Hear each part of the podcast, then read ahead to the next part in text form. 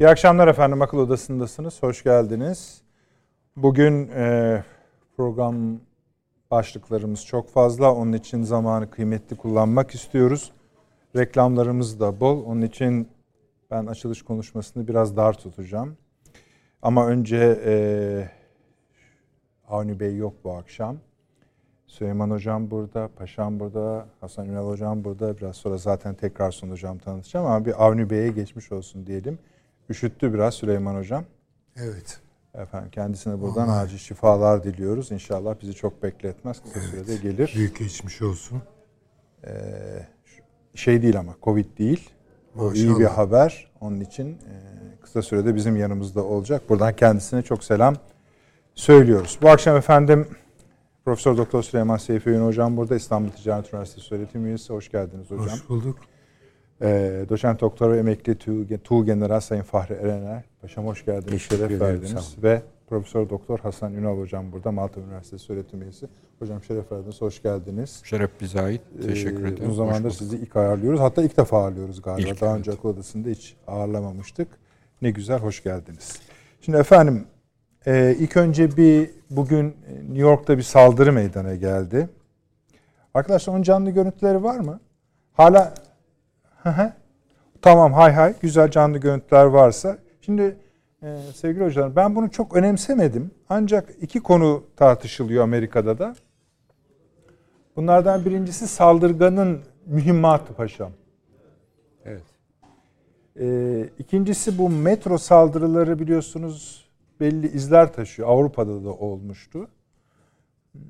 Bir de bu kadar yaygın bir şekilde New York'u etkilemiş olması. Şimdi görüntüleri de göreceksiniz. Olay sırası, olaydan hemen sonraki görüntüleri. O bir hazırlık hali varmış gibi gözüküyor ama esasında e, bayağı bir karmaşa da yaşanıyor. Arkadaşlar ölü yok herhalde değil mi? Ben son 14 yaralı da bırakmıştım. Sonra 16'ya çıktı. 16. 16 mı? Tamam. 16 yaralı var. Ee, dışarıda varsa bu canlı mı arkadaşlar yoksa? Yok bu. Tamam. Ee, dışarıdan görüntüleri de olacak onların böyle evet. şey polis araçlarını falan gösteren. Onları da bulabilirseniz kaos anlaşılsın. Süleyman Hocam buradan bir şey çıkarmamız gerekiyor mu? Benim kanaatim o kadar kuvvetli değil ama hani burada savaş mavaşla devam ederken birbirlerinin içine doğru da çünkü bol miktarda patlayıcı var. Bir rivayete göre gaz da var. Bu metro gaz ilişkisi biliyorsunuz yani, Asya'dan bize hediyedir. Japonya'da tabii, falan da tabii. oluyordu. Yani kriminal bir hadise. Tabi veriler az. Dolayısıyla bir genel değerlendirme yapamıyoruz. Ama e, gidişatı düşündüğümüz zaman dünyanın gidişatını düşündüğümüz zaman e, toplumsal hayatın günlük hayatına dahil e, önümüzdeki günlerde çok kaotik manzaralar ortaya çıkaracağını söyleyebilirim. E, bu manzaralara dahil olmak isteyen, peki ona göre hazırlıklarını yapan hem böyle psikopatik bir takım figürler hem de onların daha örgütlü bacakları, ayakları e, bu tip tatsız hadiseler duymamıza yol açabilir. E, işte bahsedilen ekonomik kriz, bahsedilen daha büyük krizler, bu akşam zamanımız gıda kalmaz herhalde Süleyman Hocam. Krizi Mesela bugün olmak üzere. Amerika'da 40 yılın en yüksek enflasyonu e, açıklandı. Efendim? Şimdi biz birçok ülkede var. Bizde de enflasyon var ama bu ülkeye etkisi farklı. Tabii ki. görünmüş bir şey değil. Tabii ki. Yani Amerika'nın içine düştüğü sarmal e, bir türlü çıkamadığı hem bir anlamda Amerikan mucizesini var eden hem de nihai tahlilde onu sönümlendiren bir e, ekonomik darboğaz, tüketime alışmış bir toplum, eriyen orta sınıflar. E bütün bunlar zaten biraz günlük hayatı normal akışları içinde görmemizi ve tutmamızı pek de kolay kılmayacak olan gelişmeler. Ee, inşallah şöyle diyorum ben yani bu münferit bir olaydır. bir psikopatla başlamış ve bitmiştir. Ölü olmaması tabii ki e, önemli bir e, teselli noktası. Süleyman Hocam sizin bu sosyal yani ekonomi ve sosyal dokuya gö- göndermeniz hani inşallah tabii yanılırsınız da hiç öyle değil Amerika'da. Bu seçimlerle de birleşeceği için. Evet. Yani seçim var çünkü biliyorsun. E, tabii ki.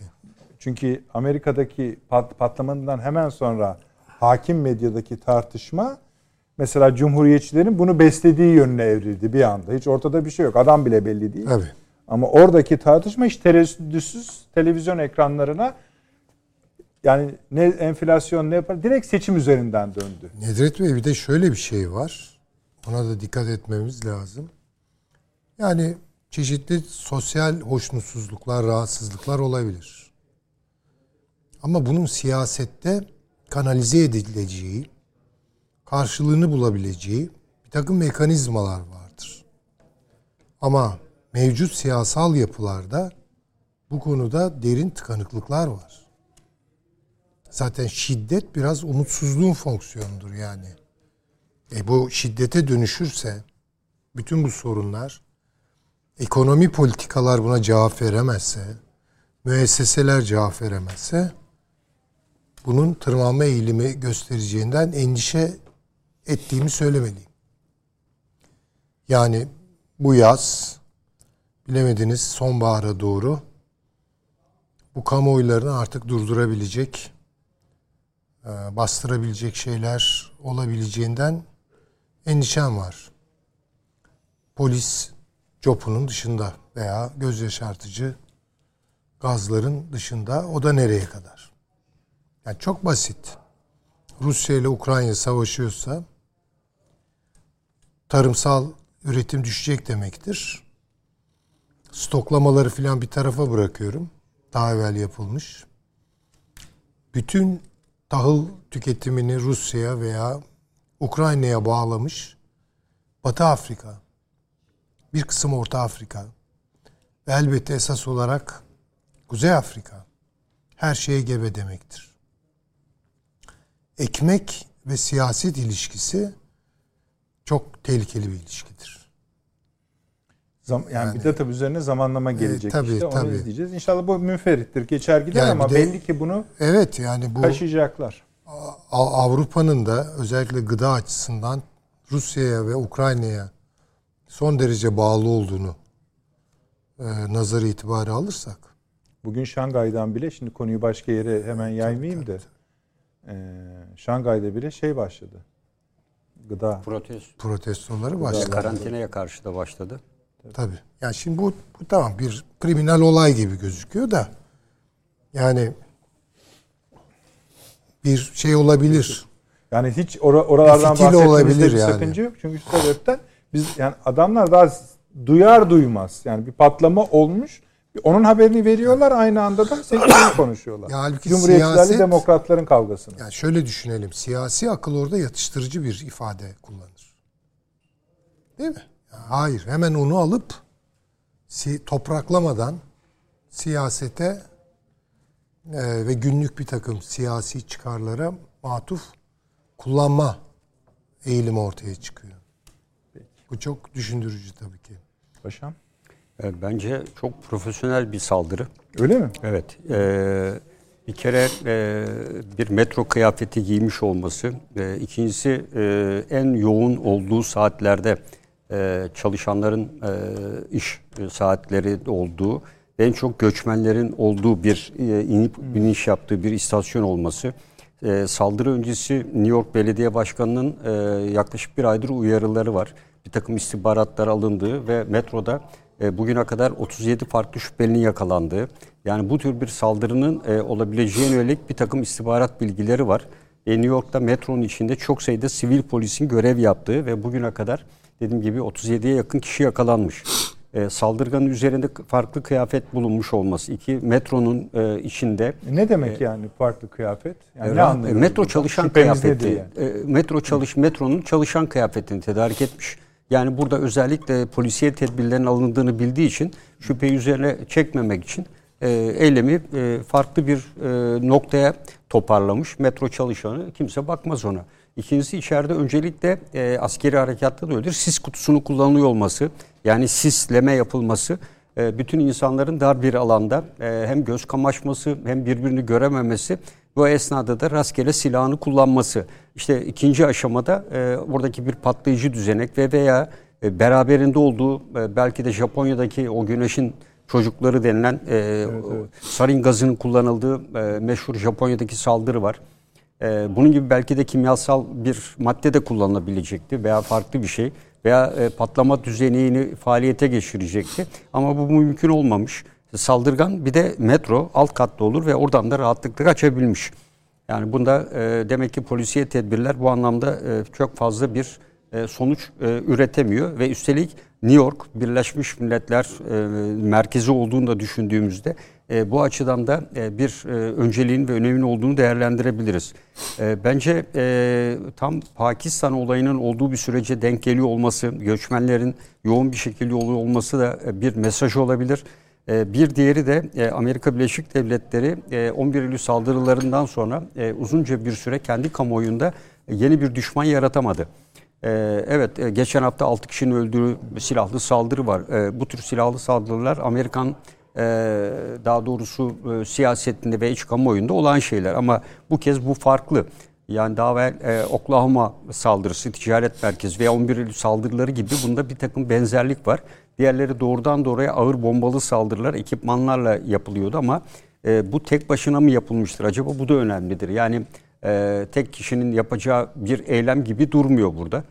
E, ve e, bunun e, tamamen e, işte e, psikolojik programları olan vesaire gibi bir e, kişiler olarak da ben adlandırmıyorum. E, bunda e, bir takım... Ha, donanımlı mühim... Yani şöyle bir şey. E, tarif edilenden yani gördüğümüzden daha fazla bir anlam yükleme taraftar değilim ama çok fazla var. Yani bunu bizi sürükleyen. Yani e, dediğim gibi yani çok Buna ciddi hazırlık yapmış. Yani önemli. kapalı yerde biz de bir mağaraya girdiğimiz atacağımız önce sis kutusudur. Yani oradaki insanları görmez hale getirip e, hedefini gerçekleştirmek. İlk girdiğinde sis kutusu atıyor. Bakın hala e, dumanlar evet. çıkıyor içeriden. E, ve e, eylem çok ciddi planlanmış. Hemen akabinde tabancayla ve öldürmek amaçlı değil. 16 kişi yaralı dikkat ederseniz. Yoksa e, öldürmek amaçlı olmuş olsa ben burada uyarı amaçlı olduğunu e, bunu düşünüyorum. Yani e, sizin en güvenilir yerinizde yani o, bile... 16 kişinin yaralanma sebebini biliyoruz. Evet. Yani e, tabii yani polisler de vesaire de müdahale etmiş. Esasında onu yaraladı 5-6 kişi filan. Yani e, polisler de müdahale edince orada e, esasında yaralama sayısı otomatikman artıyor. Ama burada patlayıcı düzenin bulunduğu ifade ediliyor. Bir de çantasında yanında neler Bomba, götürdüğünü işte bilemiyoruz. Bombalar var ee, dendi. İşte onların e, hangi ebatta e, veya metroyu tamamen havaya uçuracak cinsten mi ama metroyu hava uçuracak bir kişi bu tür bir eylem yapmaz. Siz Çünkü, bir yere gittiğini mi düşünüyorsunuz? Ben, bir yere gittiğini mi? Evet yani onu dışarıda onu e, alıp tahliye edecek, kıyafet değiştirerek uzaklaştıracak bir e, mutlaka 11 e, Eylül saldırısı gibi ben bunu incelikli planlanan bir saldırı olduğunu düşünüyorum. Ha, önemsiyorsunuz. Ee, evet. Yani bu e, Amerika Birleşik Devletleri'nin e, hem iç kamuoyu açısından aynı zamanda seçim odaklı bir yaklaşım da olabilir. Hı hı. E, bu e, Amerika Birleşik Devletleri kamuoyunda e, özellikle işte Rusya veya benzeri ülkelere karşı olan e, kamuoyunun e, ne az da olsa bölünmüşlüğünde bir e, konsolidasyon sağlama amacı da e, güdebilir. E, çünkü kimi çıkaracaklarını açıkçası bilmiyoruz. Yani kim yakalanacak, kim gidecek. E, birisi çıkarılacaktır bulunarak en sonunda. E, işte çıkarılacak kişi Amerika'nın politikasıyla uyumlu olacak. terörle savaş kavramının yerine Rusya ile savaş mı alacak? Yani yeni politikası.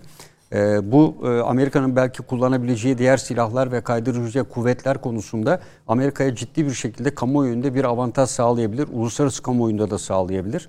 E, bu dediğim gibi zaman açısından da e, klasik bir bakalım. saldırı olmadığını değerlendiriyorum. Herkes şunu merak ediyor. Şimdi devamı olacak mı olmayacak mı? e, tabii yani e, bu ciddi bir şekilde toplum içinde huzursuzluk çıkaran bir olay elbette. Evet.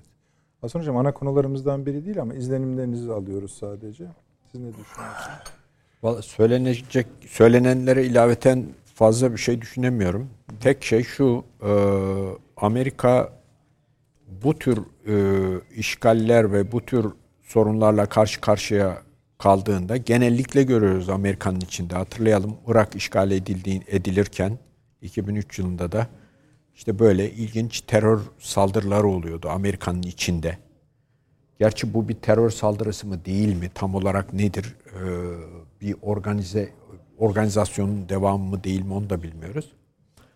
Ee, ama şöyle bir şey var. Hani Amerikan kamuoyunun ikna edilmesi konusunda işler o kadar da kolay değil eskisi gibi. Yani bu şu oldu, bu oldu diyerek e, Amerikan kamuoyunun ikna edilmesi bu defa e, bayağı zor olabilir. Çünkü mesela Biden'ın e, şeyi e, popülaritesi diyelim, başkanlık koltuğundaki popülaritesinde ciddi bir düşme var. E, öte yandan uluslararası açıdan baktığımızda da mesela ben bazen havada 1936-39 kokluyorum. Hmm. Yani İkinci Dünya Savaşı'na giden yolu olaylar zincirinin böyle e, davranış biçimleri var ortalıkta.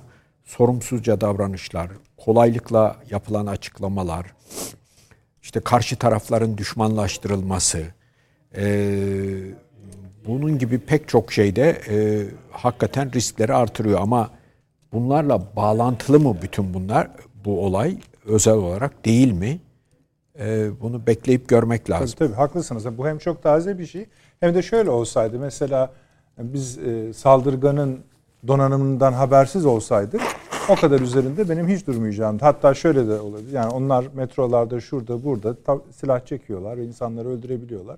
Vakayı adiyeden sayılıyor. Evet. Biliyorsunuz. Evet. Hiç görmeyebilir. Ama bu şekilde olmuş olması bir de Amerika'nın kendisinin gösterdiği reaksiyon, yani öz reaksiyon hem güvenlik açısından, şimdi inanılmaz görüntüler var esasında, hem de kendi medyasının gösterdiği reaksiyon bizi biraz buna itti.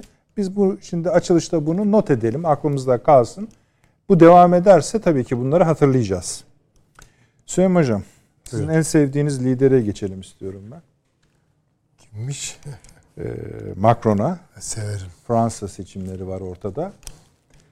Ee, herhalde daha Fransa seçimlerinin ilk turunun sonuçlarını konuşurken konu Avrupa'ya sıçrayacaktır. Hatta daha doğrusu Avrupa'dan Fransa'ya sıçramış konulara biz bakacağız. Ama tablo şuydu işte. 27.8 almış Monsieur President ve Marine Le Pen de 23.1. Şimdi ikinci tura geçiliyor. 24 Nisan'da yapılacak. Doğal olarak diğer oyların nereye kayıp kaymayacağı konusunda tartışmalar, büyük tartışmalar yapılıyor Paris'te, Fransa'da. Şimdi birinci soru şu. Bunu bir Avrupa yani tabii siz Fransız hükümlerini analiz edin ne olur bizim için. Ne demektir bu? İki, olası bir çıktı söyle yani sonuç söylerseniz daha memnun oluruz şu kazanacaktır diye. Üç, Avrupa'da yaşanan süreç Avrupa'da kökleşmeye başlayan radikal neonazi söylemler şudur budur bunun için anlamı nedir? Bu önemli.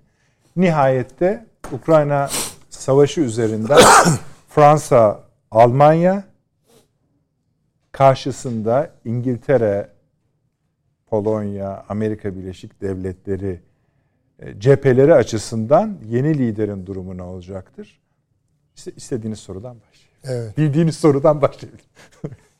yani ben biraz manzarayı doğrusu yani hüzün de diyemem de böyle bir tuhaf e, his karmaşası içinde izliyorum. Çünkü üniversitede okurken siyasal partiler dersini böyle hakikaten doyum tokum öğreniyorduk. Yani mesela işte Maurice Duverger'in kitabını filan hatmediyorduk. Yani bütün Avrupa siyasetindeki partileri isim isim falan biliyorduk. İstikrarlı gördüğümüz e, Avrupa'da zaten merkez sağ ve merkez sol arasında siyaset bölünmüştü. Yani İngiltere stabil götürüyordu işleri. Bir tarafta muhafazakarlar, bir tarafta İşçi Partisi. Almanya'da biraz Stepneli gidiyordu ama Hür Demokratlar üzerinden işte Sosyal Demokrat Parti ve Hristiyan Demokrat Parti. Yani iktidar bunların arasında el değiştiriyordu filan. Fransa çok bölünmüştü. Ama Fransa'da bile merkezi kerteriz noktası alırsak bir merkez sağ köşk vardı yani. İşte Cumhuriyetçiler falan oradaydılar. İşte merkez sol köşk vardı, Sosyalist Parti. Ama yanında bir köşk daha vardı, Komünist Partisi filan. Yani işte bir şekilde bunların arasındaki dengelere göre Fransa işi götürüyordu. İtalya çok daha karışıktı. Yani İtalya'da da e, bir türlü e, böyle istikrarlı e, geçişlerle iktidar el değiştirmiyordu ama onca yıkılan ve kurulan hükümete rağmen İtalyan teknokrasisi ve bürokrasisi İtalya'yı e, düze çıkarmayı biliyordu yani. Vaziyet buydu. Şimdi ben bu son seçimde ya kimler katılmış bakalım bir diye böyle yeni yeni bir takım oluşumlar Ve oy Yeni da yeni- almışlar. Yani oy da yeniler. Elbette evet, tabii evet, tabii evet. tabii. Yani Macron kazanacaksa şunun için kazanacak. Bütün bu yeni oluşumların Fransa'yı sürükleyebileceği muhtemel maceralardan e, Fransa'yı beri tutmak isteyen, ari tutmak isteyen güçlü bir taşra merkezli olduğunu tahmin ediyorum. Güçlü bir kamuoyu bu duruma vaziyet edecek ve çağrını açar. Buraya dikkat çekmek isterim. Bir şeyi hak ettiğinden dolayı değil. Fakat Avrupa'nın onun dışında diyorsunuz. başka biri olmadığı için Macron'a e, oylar akacaktır. Benim tahminim o. Parti ne olur unutmayın. Şimdi mesela merkez sol, sol merkez sol yüzde 1.7 oy almış. Tabii ki. Mélenchon demiyorum. O ayrı bir şey. Vay be herkeste değil o zaten. Evet. Ee, radikal sol mu diyeceğiz? İşte radikal Ha, sol mu diyeceğiz? Ö- İşte öyle başka- tarif. Yani kendi ifadelerine sadık kalmaya çalışıyorum ama radikal sol dedikleri şey 22'ye yakın oy alıyor. Yüzde 22. Ve bu büyük ölçüde Bir önceki seçimde de 20 almış zaten. ve bu büyük ölçüde Z kuşağından gelen oylar. Mélenchon için söylüyorum. Evet. Ama aynı şekilde Marie Le Pen'e de gelen oylar eee, aynı kuşaktan. Ve bunların arasında 50-50 bir durum var. Şimdi bu şunu gösteriyor. Yani bir siyasal avantürizme doğru gidiyor. Yani o köşkler yıkılmış, üzerine sayısız gece kondu kurulmuş. Yani siyasal... De Gaulle'ün part, De Gaulle'ün partisi. E, tabii ki o da işte onu diyorum yani. Tabii tabii o te- teyiden Yani söylüyorum. merkez sağ golisttir. 4.7 ya. Tabii golisttir. Cumhuriyetçiler. merkez solda da Sosyalist Parti vardı. Mitterrand'ın falan. Ama Komünist Partisi çok güçlüydü. George Marshall döneminde benim hatırladığım 5 milyon falan üyesi vardı yani. Ve oy alıyordu. Genel Sendikası arkasında falan. Nerede bunlar şimdi? Hiçbiri yok.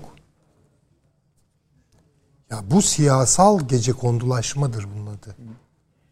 Yani o işte iyi kötü mimarisi oturmuş, mühendisliği yapılmış. İşte sağ yapı ile sol yapı arasında iktidar iyi kötü bir istikrar ya daha doğrusu siyaset bir istikrar taşırdı. Şimdi bu yok. Santrfüje geçti. Yani merkez kaç eğilimler prim yapıyor. Bu da büyük ölçüde siyasal imge üzerinden, siyasal izlenim yaratma üzerinden, siyasal katarsis yaratma e, kapasitesi üzerinden filan oluyor.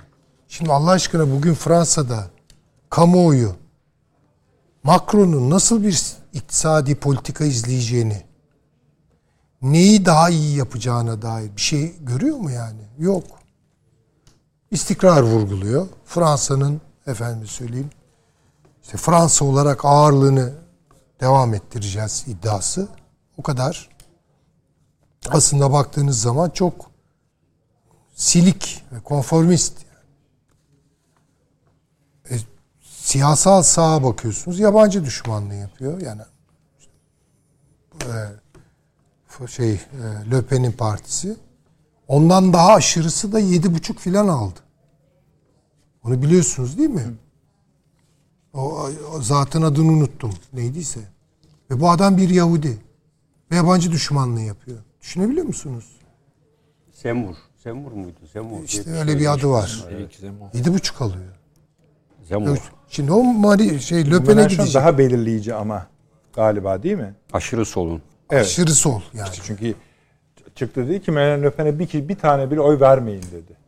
Tamam işte yani bu neye gidecek? Macron'a gidecek demek ki yani. Onun için hani Macron'un kazanma ihtimali çok kuvvetli. Çok kuvvetli ama yani unutmayalım ki bugün Fransa'da genel tabloya baktığımızda Marie Le Pen işte neyse bu kadın bunun partisi yüzde aşağı yukarı 45'lik bir destek sağlayabiliyor. Yazıklar olsun Fransa'ya. Ne denir yani buna? Sanırım o cümledeki özneyi zamanla daha büyüteceksiniz. Yani yazıklar olsun Avrupa'ya falan da olabilir yakın zamanda. Hayır Fransa'nın bir iddiası var. Tabii, gayet tabii. Anlıyorum demek. 1789'da büyük bir laf ettiler. Gayet tabii tam onu anlıyorum. Evet. Sonuç Şöyle ne yapalım mı olacaktı? Süleyman Hocam? Bu akşam biraz böyle olacak kusura bakmayın. İzleyicilerimizden de biraz destek istiyoruz o konuda. Çok reklamımız var. Şimdi bu sizin anlattıklarınızdan sonra ben size şeyi de soracağım. Bunlardan bize ne, Avrupa'ya ne diye Ha, tabii soracağım. tabii konuşalım. Öyle devam edelim. Bir reklamımız var hemen geleceğiz efendim. Döndük efendim akıl odası devam ediyor. Süleyman Hocam hiç bozmayayım istifinizi. Şey hmm, Avrupa'ya ve bize yani bize ne Avrupa'ya ne Ukrayna Savaşı'na ne? Şey, Son- tabii, sondan başlayayım. Ukrayna Savaşı'na göre tarif edersek Fransa sıkışmışlığını ve belirsizliğini devam edecek, ettirecek. Bunu aşmak için çabası da olacak. Ama çok vahitkar bir şey beklemiyor Fransa'yı bu açıdan. Hoş yani Macron gelmeyip başka biri gelse de başka yerlerde belirlendiği için bu mesele ve Avrupa'yı da bu açıdan iktidarsız bıraktığı için e, çok fazla bir şey değişmezdi. Ama performatif bir etkisi olacaktır. Yani Macron sık sık Putin'i arayacaktır. Yani eskiden olduğu gibi. E, Avrupa'nın geleceğine dair bir silkelenme, bir yenilenme, bir umut var mı? Bu kadar konformist bir tercihten o çıkmaz zaten. Bu stabil bir adam.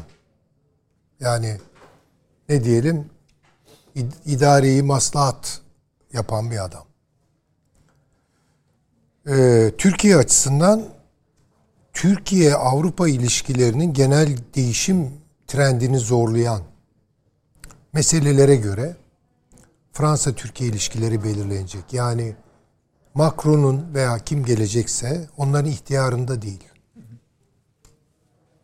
Fransa hangi Avrupa'yı daha fazla odağa alacak?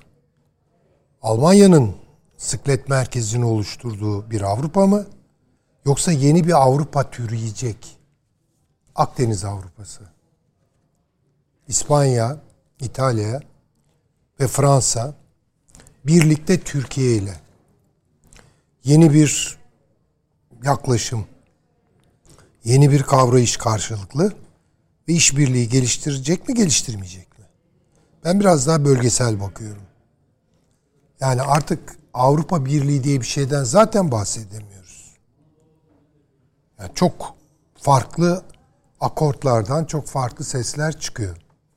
Bize en yakın ses, tını Akdeniz Avrupa'sından geliyor. Fra şey İspanya ve İtalya özellikle bunu istiyorlar. Yunanistan çok başka bir noktada. Allah selamet versin. Ee, şey ise Balkanlar ise çok istikrarsız. Hırvatistan mesela çok ciddi bir biçimde hala Almanya'yı takip ediyor. Oysa Akdeniz'de çok önemlidir. Hırvatistan. Ee, Fransa burada devreye girer mi? Bu oluşuma dahil olur mu? Bunu önce İngiltere'nin nasıl karşılayacağına bakmamız lazım. Çünkü bu formülü Akdeniz Avrupası formülünü geliştiren İngiltere. İngiliz haklı. Yani tesadüf değil. İtalya ve İspanya ile Türkiye'yi buluşturma. tabii canım İngiltere, İtalya, Türkiye buluşması da oldu. Tabii oluyor. Şimdi bu Fransa'nın ne yapacağına bağlı burada. Eğer burada Fransa ben buna dahil olacağım ve patronajlarını yani patronluğunu da ben yapacağım diyorsa İngiltere'yi aşması lazım veya tatmin etmesi lazım. Yani bir İngiltere Fransa ittifakı üzerinden böyle bir şey olabilir mi diye düşünmemiz gerekiyor. Ee, onun için hani böyle çok münferit bakmıyorum ben. Yani Macron ne yapacak gibi. Ondan ziyade mesela diyelim ki Marine Le Pen kazandı. Bu kaz işte o zaman Almanya ile ilişkisi nasıl olacak? Bunların ABD İngiltere ile ilişkisi nasıl olacak? Çok avantürist bir açılım taşıyor. Yani o aşırı sol ve aşırı sağın öngörülebilir tarafları yok. Yani bir şeyden emin olabiliyorsunuz. Aşırı sağa gelirse yabancı düşmanlığı zirve yapacaktır. Bunun doğuracağı bir sürü bir şey olur. Ama mesela Le Pen Amerika ile nasıl bir ilişki kuracak? Almanya ile nasıl bir ilişki kuracak? Bütün bunlar müpem. İşte yani yabancı Söylemiş. düşmanlığının artacak olması en küçük çıktılardan biri olabilir Süleyman Hocam. Ama Almanya ile en ele gelir olan o olur. Tamam. Diğeri çok belirsizdir. Ve bu tip partiler şaşırtıcı derecede pragmatist tercihler yaparlar. yani iş reel politiğe geldiğinde. Onun için ben kestiremiyorum. Yani siz düşünebilir miydiniz? Bu aynı şey yeni sol içinde geçerlidir. Tabii. Yeşiller denilen bir partinin Almanya'da çiçektir, böcektir diye bütün mikro hayat habitatlarına titizlenen bir partinin daha fazla silah üretmemiz lazım. Ukrayna'ya daha fazla silah vermemiz lazım diyecek bir çizgiye gelebileceğini. Yani onun için ben aşırıların oturmamış tarafları hem kendilerine dönük bir çekim ve büyü doğuruyor ama sonrasını hesap edemiyorsunuz.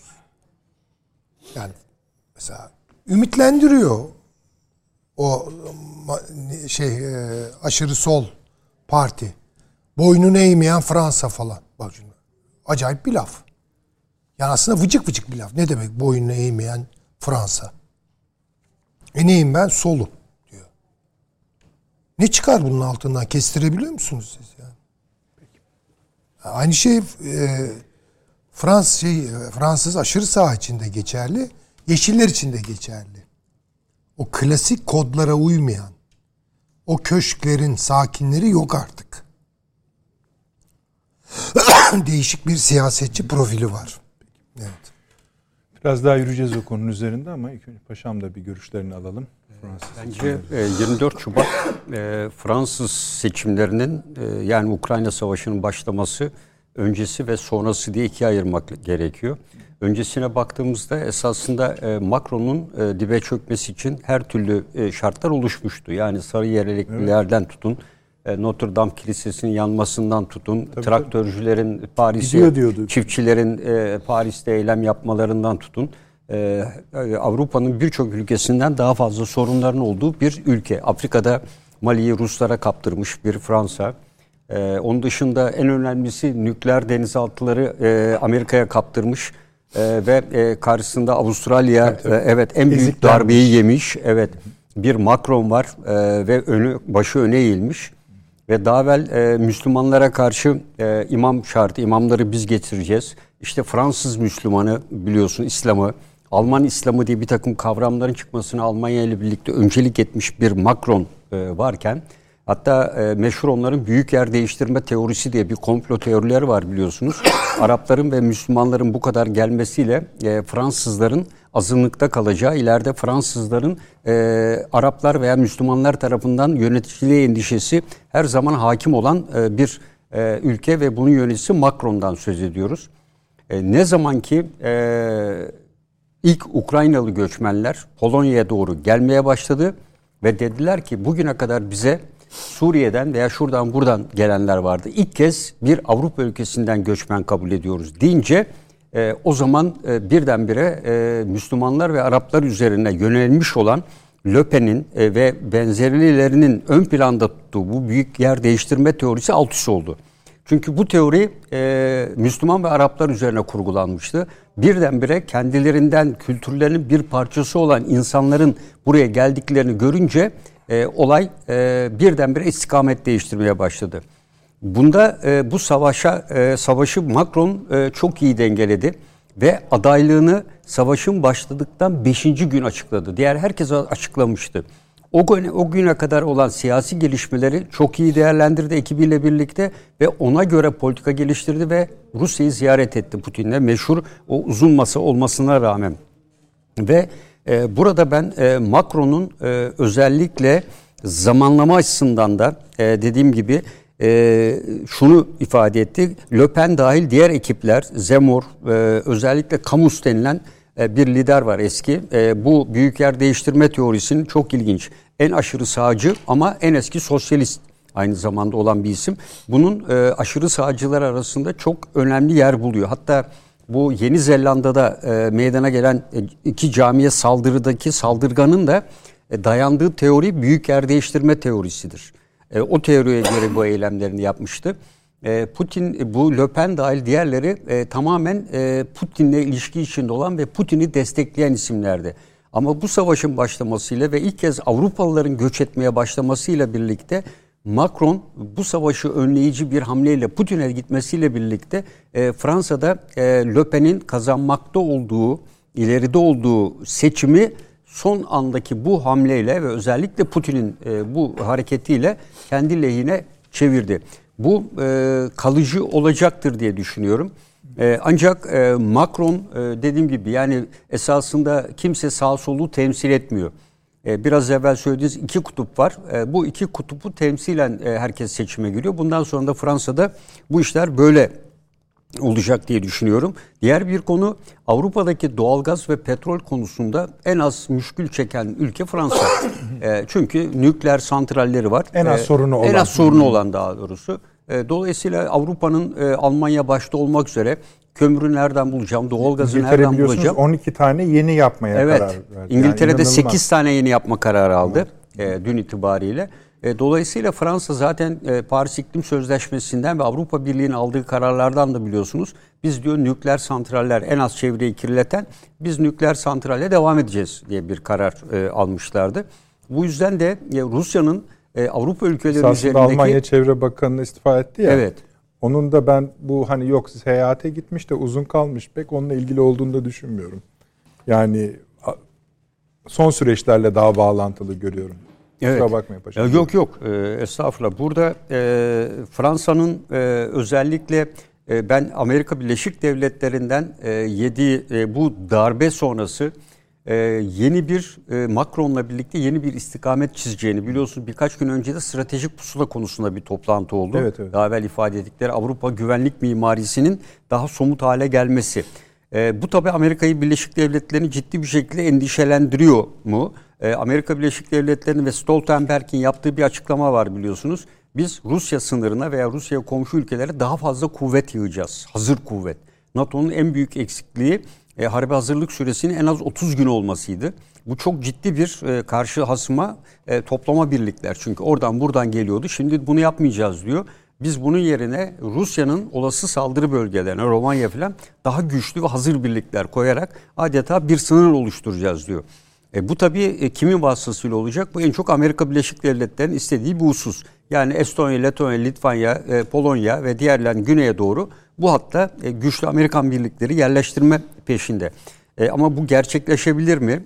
E, süreç içinde bunun Losti ve diğeri e, Trump'ın yaptığı gibi bunların maliyetini Avrupa ülkelerine yükleyebilir mi? E, bu yüklerse eğer Avrupa Birliği ülkelerinde ciddi bir mali kriz zaten enflasyon yüksek ve diğer sıkıntılar var. Doğalgazın getirdiği sıkıntılar Avrupa ülkelerinde kabul edilecek bir süreç olmayabilir. E, bu süreçte Fransa e, belki şu anda da biliyorsunuz Avrupa Birliği'nin liderliğini üstlenmiş durumda. Bunu bir avantaja çevirerek e, başından beri PESCO ve güvenlik yapılanmasını savunduğu için stratejik pusulaya hız kazandırabilir e, ancak NATO ile ilgili e, faaliyetlerinde de aynı zamanda Avrupa Birliği'nin nükleer silah sahip tek ülkesi olma sıfatıyla da bu konuda öncülüğünü Almanya'dan kesin olarak alabilir. Şu anda Scholz dahil ne yaptıkları e, e çok açık net değil. Yani sürekli değişken bir politika izliyor Almanya. İkincisi de Fransa asla Almanya'nın şu anda üstlendiği silahlanma politikasını tasvip edeceğini asla düşünmüyorum. E, bu Almanya'nın e, özellikle Fransa'nın seçim sürecinde bulunduğunu değerlendirerek ortaya atmış olduğu bence yeni bir politikadır. Fransa o zaman da bu düşüncelerini açıklamıştı. E, Almanya'nın silahlanması mı e, Fransız medyasında da yer aldı. E, bu konu liderliği hızlandırabilir. Şu anda Merkel gibi birisi yok. E, Scholz'a e, güvenin ben ciddi şekilde düştüğünü de düşünüyorum. E, ikir, ikirciklik politikaları Biraz savruk nedeniyle. hakikaten yani. Çok savruk. E, bu da Fransa'ya ve Macron devam ederse e, Fransa'ya ciddi bir avantaj sağlayacaktır. Ama e, dediğim gibi e, bence Avrupa'da yeni bir ittifak oluşuyor. E, bu ittifak NATO'nun dışında e, Polonya, e, Türkiye, e, İtalya, e, Fransa'dan oluşan e, yeni bir ittifak. Bir daha E, Sayın Paşam. Evet, Türkiye, Polon- Polonya, e, Polonya. Türkiye, e, İtalya ve Fransa. İtalya. E, evet. Niye yani bizi e, şöyle niye kurmadık? İngiltere, Türkiye, Ee, İngiltere İtalya. e, İngiltere gidiyor. Yani İngiltere şu anda e, e, yeni e, kısmen yeni Hint Pasifik stratejisini açıkladı. Ha, anladım. E, Amerika ona o tarafta bir görev verdi. E, o sadece orayı koordine ediyor. Peki. E, İngiltere yani ağırlığını Pasifik'e de artık daha Evet. çok yer ayırmamız e, gerekecek. Elizabeth falan hepsi o tarafta şu anda. O bölgeye gönderiyorlar. Bugün Dolayısıyla Çin'de, Çin'in de çok sert açıklamaları oldu e, Amerika. o Yani bölgede haklısınız. e, NATO'yu buraya getirdi artık. evet, Öyle kabul edebiliriz diyorlar. Bu Haziran'da da hemen geliyorum hocam. Haziran'daki zirve var biliyorsunuz Süleyman Hocam. NATO. NATO, Orada NATO'nun üzerindeki NATO'nun kendi başına hareket etme kabiliyetlerini serbest bırakacak kararlar çıkmasından Yani yeni korktuğu anlaşılıyor Çin'in. e, harekat Birleşmiş alanının tanımını şimdi. kaldıracak. Yani NATO'nun e, üyeleriyle olan sınır alanını kaldırarak e, bir önceki NATO 2030 vizyonunu da yapamadığını yani NATO'nun harekat alanını genişletmek, Afrika, Evet, Orta evet. Doğu falan gibi Evet. Amerika şu anda Rusya'nın Ukrayna'ya olan saldırısından en büyük amacı e, NATO'ya yaptıramadığı bu kararı aldırmak. Haziranda çıkacak olan karar bu doğrultuda İşte olacaktır. bu bu bu başlı başına programlar konusu. Çok kritik. Tabii yani çünkü Çin bugün söyledi yani evet bugün söyledi. Bu dedi alıp dedi NATO'yu dedi bizim Hint Pasifik'e Tabii, tabii, getiriyorlar. tabii. Temel amaç o. Getiriyorlar da demedi. Geldi dedi. Paşamla aşağı yukarı aynı şeyleri ama Bir İngiltere ben, ben Fransa'yı dışarıda tutuyorum. tutuyorsunuz. Tabii. Çünkü Almanya'ya yakın mı görüyorsunuz? Ya hayır, Almanya da yakın değil. Onu da söyleyemem. Ama İngiltere ile Fransa arasında çok ciddi bir rekabet var. Son şeyde biliyorsunuz yani e, silah alımında filan dışlandı. Tamam konuşalım. Bu yani bu NATO meselesi önemli. Hocam buyurunuz. Yani özünde Fransa'dan çıkarak dünyayı turluyor. Şöyle, e, şimdi bakın bir önceki seçimde ne olmuş Macron'un seçildiğinde? Birinci turda benim elimdeki veriler tam doğruysa Macron 24.1 almış. Doğru. Marine Le Pen 21.3 almış. Aralarında 3 puan civarında fark varmış. E, Mélenchon gene fena değil. Mélenchon 20'ye yakın almış. 19.58 puan almış. yukarı çıkmış şimdi öyle. Şimdi daha yüksek ama e, Melanchon o zaman da fena değil. Şimdi şöyle bir şey var ama çok önemli bir fark var. O da ne? Geçenki seçimlerde birinci tur tamamlandıktan sonra hiçbir yorumcu acaba Marine Le Pen kazanabilir mi diye bir soru sormadı. Şöyle bir şey ihtimal hep var. Yani bu Front National'in başlangıcından alıp e, baba Le Pen'den kızı Le Pen'e gel, gelin geçin, geçinceye kadarki süreç. Ondan sonra Marine Le Pen'le ilgili olarak ya bu kadın günün birinde Fransa'nın Cumhurbaşkanı olursa hiç şaşırmamak lazım diyen ciddi bir kitle var. E, bunun sebeplerinin e, başında da aslında belki bütün Avrupa'ya, kıta Avrupa'sına dair yapacağımız tahliller va- bulunuyor. O da nedir? Şimdi e, az önce de örnek verildi hani e, Maurice Duverger'in tarif ettiği, Martin Lipset'in tarif ettiği bir siyasal partiler analizleri vardı. Onların oturduğu bir, onlar o analizlerin üzerine oturduğu bir Avrupa, kıta Avrupası toplumu vardı. İkinci Dünya Savaşı'nın e, çok büyük yıkımlarını yaşamış nesiller. Bunlar aşağı yukarı bir üç nesil devam ettiler. Yani bir daha böyle bir şey istemiyoruz. Dolayısıyla e, o önemli bir veriydi. Çünkü üst üste 20 yıl içinde iki dünya savaşı yaşanmış. Mesela 2. Dünya Savaşı'nda 87 milyon kayıp var. Bunun 27 milyonu Sovyetler Birliği tarafında. Bu tarafta da şöyle böyle bir yani 8 milyonu sadece Almanya'ya ait olmak üzere ciddi bir kayıp var. Hemen hemen 10-15 milyon belki daha fazla. Bunun üzerine kaybedilen imparatorluklar var. Çok büyük prestijler var. Ee, şimdi e, milli servet kaybı, yaralısı, şusu, busu korkunç şeylerden bahsediyoruz. Şimdi bunun toparlanma sürecinde e, en önemli e, bu toplumların e, ellerindeki avantaj şuydu. Hızlı bir kalkınma süreci. E, dünyadaki e, ekonomik üstünlük yani Avrupa kıtasının dışından buna katılan Amerika vardı. Ama Amerika zaten hep vardı. Belki Japonya katıldı uzak doğudan. Japonya da yine Birinci Dünya Savaşı'nın öncesinden itibaren bayağı ciddi kalkınma başarısı sergilemiş bir ülkeydi. Şimdi bu yüksek kalkınma hızı, hızlı sanayileşme, bunun getirdiği maddi refah, sosyal devlet e, vesaire bunların hepsi Avrupa'da belli standartlaşmalar oluşturmuştu. Yani merkez sağ ve merkez sol. Bunlar bazen İngiltere örneğindeki gibi tek partilerle gidiyordu.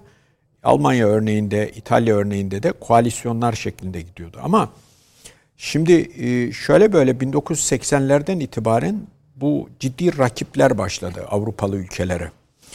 Yani e, bir taraftan uzak doğudan gelen rekabet, e, Amerika'ya kaptırılan çok büyük bir alan vardı. Şimdi bunların hızla artmakta olduğunu görüyoruz. Şimdi mesela yabancı düşmanlığı sadece Fransa'da değil, Almanya'da da var, Belçika'da da var, Hollanda'da da var. var. Yani biraz Akdeniz ülkelerinde daha az, İtalya'da, İspanya'da ya da öyle görüyoruz. Ama oralarda da e, şey zaten nüfusa oranları az olabilir. Çünkü bu dışarıdan gelip de bir şekilde Avrupa'ya kapak atmak isteyen sığınmacı, kaçak, göçmen vesaire bunların e, sonuçta nihayette varmak istedikleri ülkelerin başında Almanya geliyor. Ondan sonra diğerlerine e, dönüyor. Hani nihayet eğer mecburen e, İtalya'da ya, pardon, ya da İspanya'da kalıyorsa, oradan ileriye gidemiyorsa ona da dünden razı zaten. Ama mesela yabancı düşmanlığını e, bütün Avrupa'da e, Akdeniz ülkeleri de dahil olmak üzere nerede gördük? Yunanistan'daki bu finansal ekonomik kriz sırasında 2008'den itibaren gördük. 2009, 10, 11, 12'lerde Yunanistan'da çok ciddi bir yabancı düşmanlığı vardı. Onun üzerine kurulu bir de siyasal parti var. Şimdi bu yabancı düşmanlığı meselesi beraberinde şunu getiriyor. Merkez sağ partiler o yabancı düşmanlığı konusunda aşırı partilerle yarışa giriyorlar şu veya bu oranda. Belki aynı cümleleri söylemiyorlar. Belki aynı tonda, aynı sertlikte bir şey söylemiyorlar ama az buzda değil. Çünkü eğer o konuda geride kalırlarsa o yabancı düşmanlığı üzerinde siyaset yapan partilerin alanı genişliyor. Oy oranı genişliyor. Ee, şimdi öyle bir hale geldi ki son zamanlarda mesela şimdiki Fransız seçimlerinde ilk defa ciddi bir şekilde hem Fransa'da hem dışarıda e, Marine Le Pen'le aradaki fark e, yine bir önceki seçimdeki kadar olmasına rağmen ya acaba Marine Le Pen kazanabilir mi? Niye böyle deniliyor? Çünkü klasik sağ ve sol o ayrımları büyük ölçüde ortadan kalkmaya başladı. Şimdi mesela e, Mélenchon'un seçim sırasında söyledikleri, vatandaşa verdiği mesajlar, başta NATO üyeliği, Avrupa Birliği, Erik Zemmour'un söyledikleri, bunları alt alta getirdiğimizde Marine Le Pen'le çok büyük benzerlikler gösteriyor. Ha diyebilirsiniz ki ya bir e, mesela e, solun da bir adım e, yani merkez solun daha ötesindeki bir sola oy vermiş bir Fransız seçmeni gidip de Marine Le Pen'e verir mi? Hiç belli olmaz yani böyle yakın şey, tarihten de. Mélenchon'un uyarısına bakarsanız verme ihtimali var. Bir tek oy bile gitmesin diyor. Yani demek ki hani bıraktığınız zaman belli de olmayabilir. Parçalanabilir yani. yani. Şimdi onların altındaki e, büyük oy alanlara da baktığımızda aynı riskler görünüyor. Ama bu belki bu seçimde olmayacak. Ama bir, bir şekilde çünkü bir de Marine Le Pen genç bir kadın e, şeyde Fransız halkına da hitap ediyor ve hem Fransa'yı hem de Avrupa'yı rahatsız eden koşullar ortadan kalkacak gibi değil. Evet. Yani siz uzak doğuyla ekonomik Şöyle rekabette şey ön plana geleceksiniz. seçimdeki daha radikal söylemlerini de biraz Törpülemiş hocam. O zaten kademe kademe ta babasından devraldığı günlerden itibaren başı babasını partiden attı. Marine Le Pen babasını partiden attı. Yani yok dedi kardeşim. Siyaset böyledir hocam. Tabii tabii ama şöyle haklı orada kendince. Bir Le Pen daha geliyor. Ee, bunun Evet evet. yeğeni olabilir. O da bunu belki eleyebilir. Yani bu Le Pen ailesi, Front National grubu kendi içinde bazı dönüşümlerle sonuçta Fransa'da iktidara gelecek gibi görünüyor. Bir de bu örgüt sosyolojisiyle doğrudan alakalı bir şey. Siz dar bir grupken, dar bir alanda siyaset yaparken bir tür dernekçilik gibi geniş kitlelere ulaştıkça ve geniş kitleler de size az çok e, ilgi gösterdikçe onların söylediklerinizi partinizin söylemlerinin içine şu veya bu ölçüde katmak zorunda kalıyorsunuz otomatikman. Babası öyle biri değildi. Değildi. Şimdi son bir şey, ha Fransa'yı bitirince şöyle, Avrupa'yı anlat yani rica ha, edeceğim şöyle de. yani bütün Avrupa ile ilgili aynı sorunlar var. Ta- Oraya geçmeyelim o zaman. Siz Avrupa'yı an- anlatın bize. Bir reklama gidelim izin verirseniz. gidelim Bu akşam tabii, böyle tabii. biraz. izleyicilerimizden de hoşgörü rica ediyoruz. Geleceğiz efendim hemen. Efendim Fransa'dan bize ne? Avrupa'ya ne sorusunu yanıtlamaya çalışıyoruz. Seçimlerinden bahsediyoruz. Hasan Yol Hocam'da kalmıştım. Fransa bölümünü bitirmişti hatırladığım kadarıyla. Şimdi bunun Avrupa için ne demek olduğuna Mesela biz şunu hep ben yani ben şahsen daha çok merak ediyorum. Bu Almanya'nın askerileşmesi, onlar remilitarizasyon diyorlar. Hani benim çok dikkatli izlemek istediğim bir konu, takip etmeye çalışıyorum ve Avrupa'nın üçüncü kez bu numarayı yutup yutmayacağı konusunda da kaygılarım var. Şimdi Fransa'daki seçimin de buna bir besleyici veya engelleyici olup olmayacağını da merak ediyorum. Ukrayna Savaşı ile ilgisini de merak ediyorum. Çünkü sonuçta hepsi gelir bunlar Türkiye'ye fatura olarak çıkar hocam. Buyurunuz. Şimdi birincisi şöyle, e, Ukray şeyde Fransa'da yani Marine Le Pen'in kazanması he- her ne kadar hala sürpriz olarak e, görülse de görülecekse de eğer kazandığı takdirde e, o zaman tabii bambaşka bir Avrupa kıtasına giriyor olabiliriz. Her ne kadar bu tür partiler muhalefetteyken çok böyle sivri şeyler söylerler. Sonra biraz daha böyle e, pragmatik davranmaya başlarlar falan ama şu anda Avrupa'da böyle pragmatik davranmaya uygun bir ortam yok. Yani şartlar bütün Avrupa'daki partileri şu veya bu ölçüde şu veya bu alanda radikal bir şeyler de ya da diğerlerinden farklı bir şeyler de söylemeye mecbur ediyor. Deminki söylediğim şartlardan dolayı e, işte kronik işsizlik, e, ekonomik gidişatın özellikle üretim kabiliyetinin Asya'ya kaptırılması, bununla bağlantılı sorunlar vesaire. Bir de bu o, yabancı düşmanlığının kaynakları. Şimdi bunlar bir bir bir grup konu ama diyelim ki e, Macron da kazansa e, üzerinde durmamız gereken başka önemli konular var. Bunlardan biri şu. Şimdi Macron örneğin e, Fransa'nın Avrupa'daki askeri liderliği ve Avrupa'nın kendine ait bir ordu kurması fikrinden uzak birisi değil ki. Tam tersine o da bunları savunuyor. Evet. Anlatabildim mi? Şimdi burada aslında avantajlar da rol oynuyor. Çünkü ta Birinci Dünya Savaşı öncesinden başlayan Fransa'nın ciddi bir silah sanayi var. Hiç yabana atılmaması gereken. Hayır, Avrupa'da belki de işte Almanya'yı hala saymıyoruz. Dişe dokunur tek ordu. Bilmiyorum paşam. Tabii, tabii. Fransa öyle değil mi? Tabii. Bir de her alanda şeyi var. Yani mesela Almanya'da böyle bir ülkeydi ama e, e, Almanya bu özelliklerini İkinci Dünya Savaşı'ndan sonra e, kaybetmedi ama geride kaldı yarışta yani şu anda. Çok izin vermediler. En önemli biliyorsun. iki ülkesinden biri. Biri e, İngiltere, kendine has e, savunma sanayi olan, öbürü de e, Fransa. Şimdi dolayısıyla Macron da seçilse bir takım Fransız tercihleri ön planda olacaktır. Şimdi o Fransız tercihlerine bir de şunlara eklersek Al- Almanya'nın yeniden silahlanması. Şimdi bunun bir, bir sonucu şu. Almanya'nın yeniden silahlanmasını Doğu Avrupa'daki İkinci Dünya Savaşı'nın suçluluğunu Almanya ile birlikte duyan, hisseden ve buna göre hareket eden ülkelerin davranışlarıyla birlikte değerlendirmekte fayda var. Şimdi mesela İkinci Dünya Savaşı'nda benim hatırladığım kadarıyla Barbarossa Harekatı'nda o 1941 e, Haziran sonunda Almanya yaklaşık e, teknik tabirle 150-160 e, takviyeli tümenle bu savaşa başlarken ki o zamanki tümenler herhalde şimdikinin iki katından fazlaydı asker sayısı. e, bir 30 ila 40 tümende başka ülkeler dahil ettiler buna. Mesela Romanya'nın Almanya'nın yanında savaşan ikinci büyük ülke olduğunu çok az kişi bilir. İkinci Dünya Savaşı'nda Sovyetlere karşı. Bir diğeri Macaristan'dı. Finliler mesela muazzam bir savaşa katkıda bulundular Rusya'ya karşı. Hatta bu, bu ilk e, savaş grupları üç cepheden saldırıp da Rus Sovyetlerin işlerine doğru giderken Almanların yaptıkları bazı aşırılıklar da Finliler şey dermiş. Ya bakın biz Rusları biliyoruz. Eğer bu işi fazla ileri götürürseniz yarın kazanırlarsa çok kötü yaparlar ha falan diye. Çünkü Almanlara göre Ruslarla ilgili tecrübeleri daha fazla Finlilerin. Çünkü o coğrafyada e, şey var. Çarlık Rusyası döneminden itibaren yaşanmışlıklar var.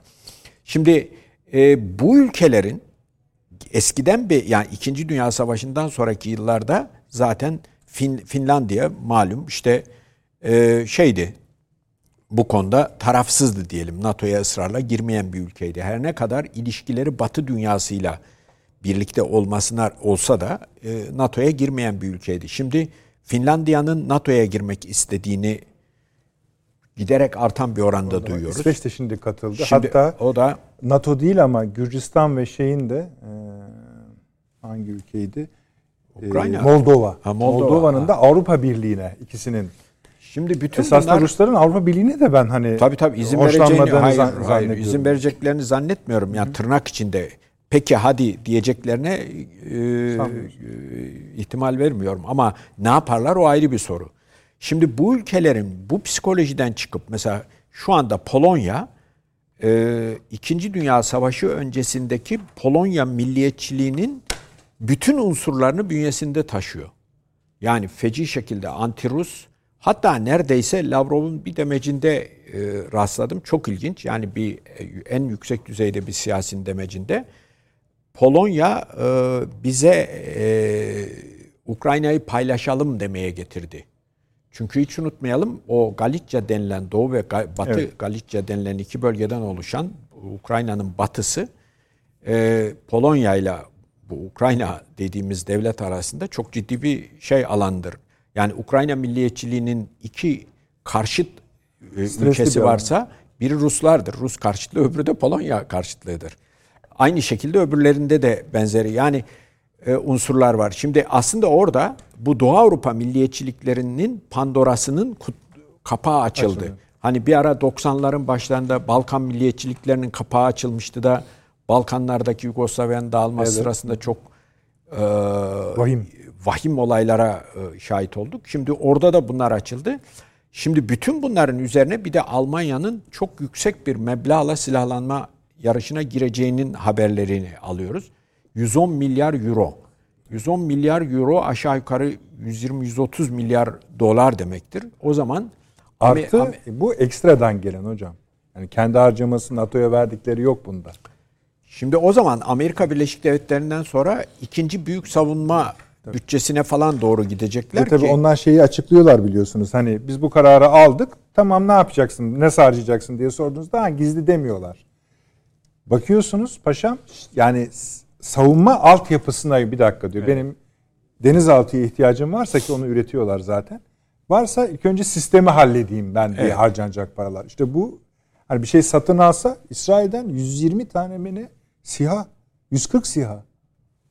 Evet. Şimdi yani bütün bunlar aslında e, deminki söylediğim o 1936-39 arasına doğru götürüyor Hava beni oldu. hafızamda.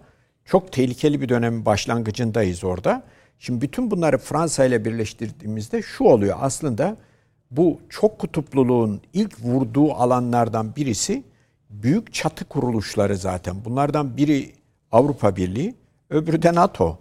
Çok fazla üyeli ülkeler ortak çıkar bulmada zorlaşır, zor- zorlanırlar. Şimdi Ancak zaten tehdit olursa. orada bile tehdidi algılamada farklılıklar oluşur aralarında. Coğrafya çok Rusya'da geniş. oluştu işte Rusya örneğinde. Şimdilik. Şimdilik. Ama mesela Türkiye aynı şekilde algılamıyor Rusya ile ilgili tehdit. Gayet tabii. Tabii. Tek Ama başına. bu da bir ayrışma NATO içinde. Tabii işte evet. Yani demek istediğim o.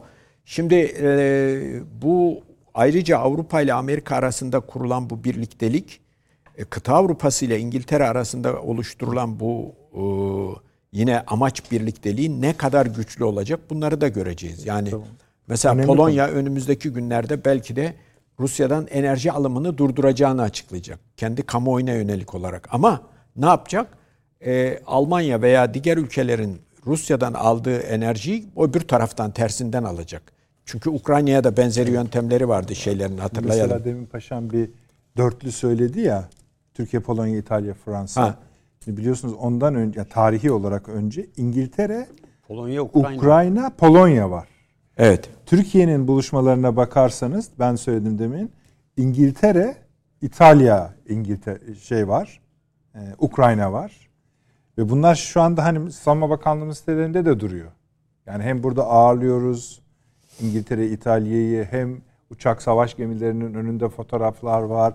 Yani böyle bir de Batı ittifakları içinde Zaten ayrıca benim gör eğer böyle olursa bu çok kutuplulukta mesela diyelim ki NATO ülkeleri NATO böyle bir sosyalleşme merkezine dönebilir işte. Toplantılarında her üyenin e, NATO'ya ne kadar önem verdiğini ve dayanışma İyi içinde olduklarını günler belirten konuşmalar yapıp yandaki odalara geçip çıkarları birbiriyle daha uyumlu olan ülkelerin öbür odada toplanmış onlara karşı bir takım girişim ve tezgahlar hazırladıklarını düşündükleri ülkelere karşı başka şeyler güzel. yaptıkları bir şey olur. Çok Yani- güzel. yani- Dünyanın öbür tarafı da NATO buraya da geldi diyor. e, o da Ama ayrı bir kim şey. geliyor ne? Ama işte o öyle kolay bir şey, değil. O değil. kadar büyük bir ittifak, o kadar geniş bir coğrafyadan, o kadar çok sayıda ülkeyle Bence ve de. oradan alıp oraya taşımak falan öyle kolay işler Göreceğiz değil. Haziran'ı. Zaten Devam belki edelim. de o yüzden AUKUS falan planladılar.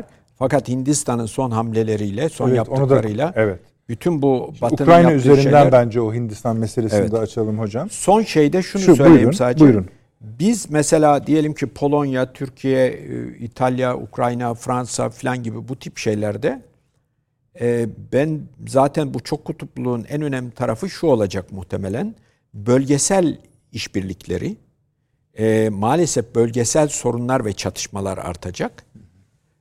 Ve dolayısıyla bölgesel ittifaklar da artacak. So, yani bu çok kutuplu dünya düzeninin kaçınılmazları bunlar. Özellikle klasik silahlarla yapılan savaşların sayısında artışlar olabilir.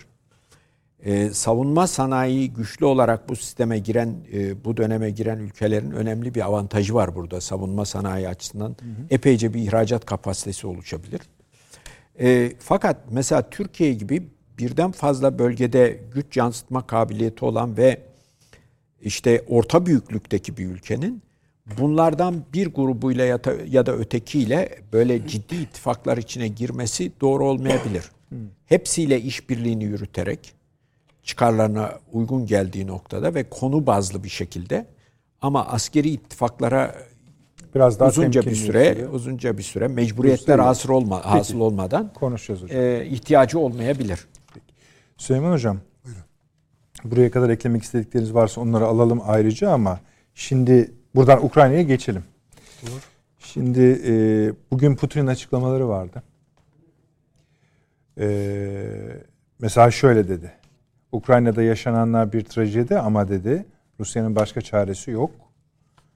E, ve görüyoruz ki bugün İstanbul müzakereleriyle ortaya çıkan anlaşma tablosu çıkmaza girmiştir.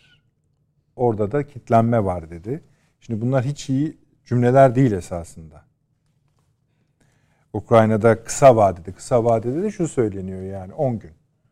Önümüzdeki bir haftadan 10 günün içinde merkez üssü Donbas olmak üzere on binlerce insanın karşı karşıya geleceği bir savaşın yeni Ukrayna'nın ikinci bölümü onların tarifi. Meydan savaşı işte.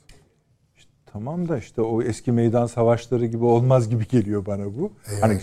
kan açısından yani çok kan dökülecek gibi Tabii duruyor. ki muhakkak. Orada sıkışma var. Yani iki ordu karşılıklı olarak, olarak birbirlerine girecek. O evet. E, tamam. Yani sıkışmışlık da hissediliyor. Çünkü Ukrayna tarafından gelen haberler öyle. Yani büyük bir or, orada da büyük bir insani birikim var. Ordu var. Donanımlı bir ordu. Lojistiği kesik ama artık hani şey yapamıyorlar. Dışarıdan yardım alamıyorlar. İşte eğer Ruslara inanırsanız Mariupol %99 seviyesinde kontrol altında. Hatta galiba size konuşuyorduk Hasan Hocam yukarıda. Artık Amerikalı subayları falan kovalama seviyesinde. İçeride. Amerikalı diyorlar, İngiliz, İngiliz Fransız. diyorlar. Tabii bilmiyoruz bunların hepsi. Türkler var diyorlar. Evet, Ama vesaire, subay vesaire. değildir herhalde Türkler yani. Yok, yok sanmıyorum.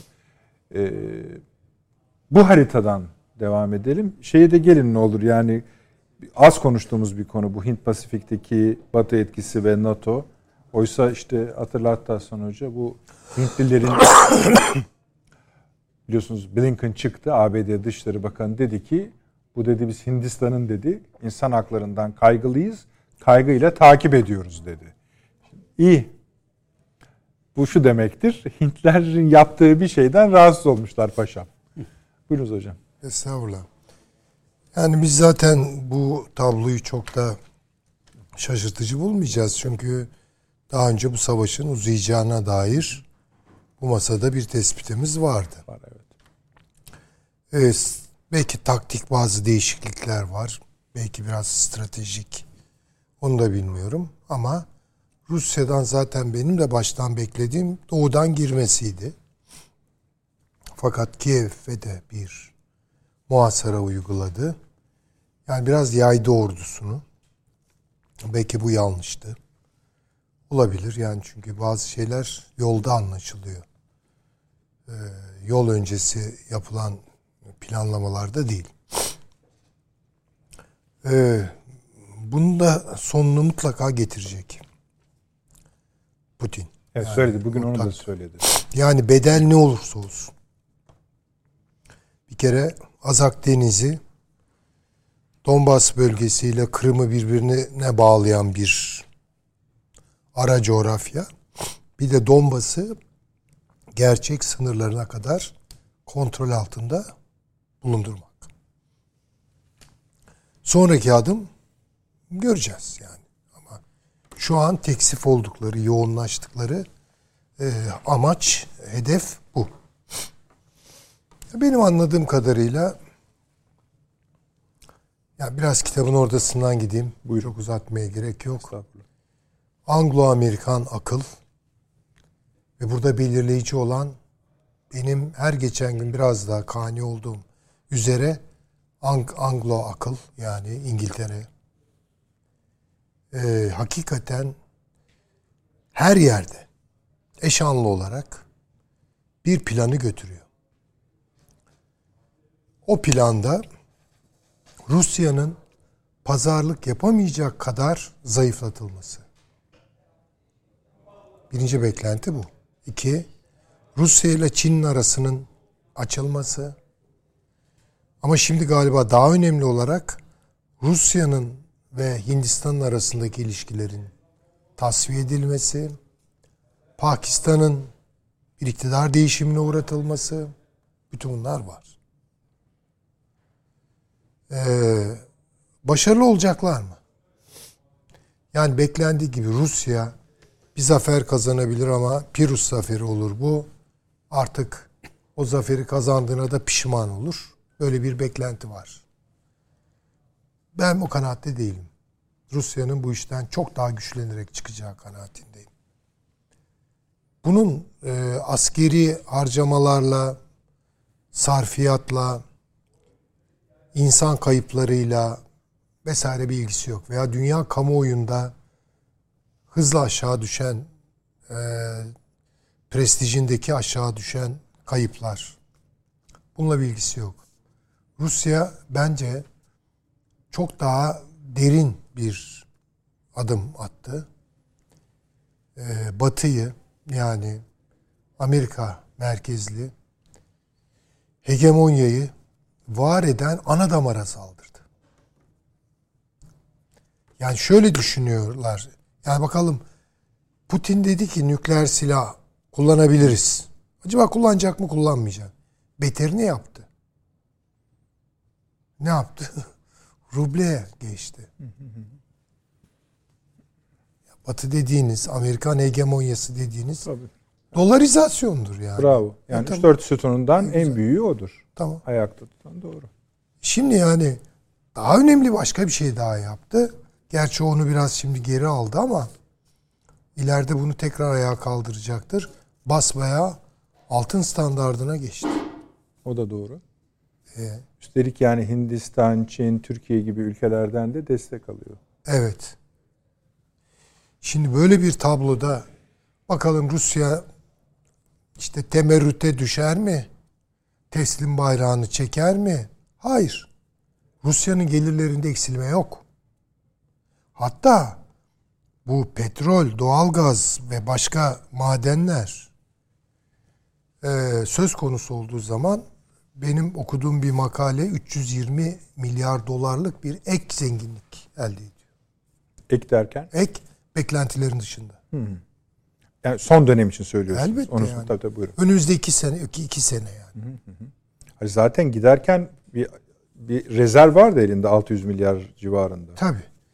Başka senaryolar yani Rusya'da işte oligarklar ayaklanır, Putin'i indir. Asla böyle bir şey olmaz. Rusya'da. Oligarklardan böyle bir renk bozumu gelmedi. Ee, Böyle belli metinler filan yazanlar var.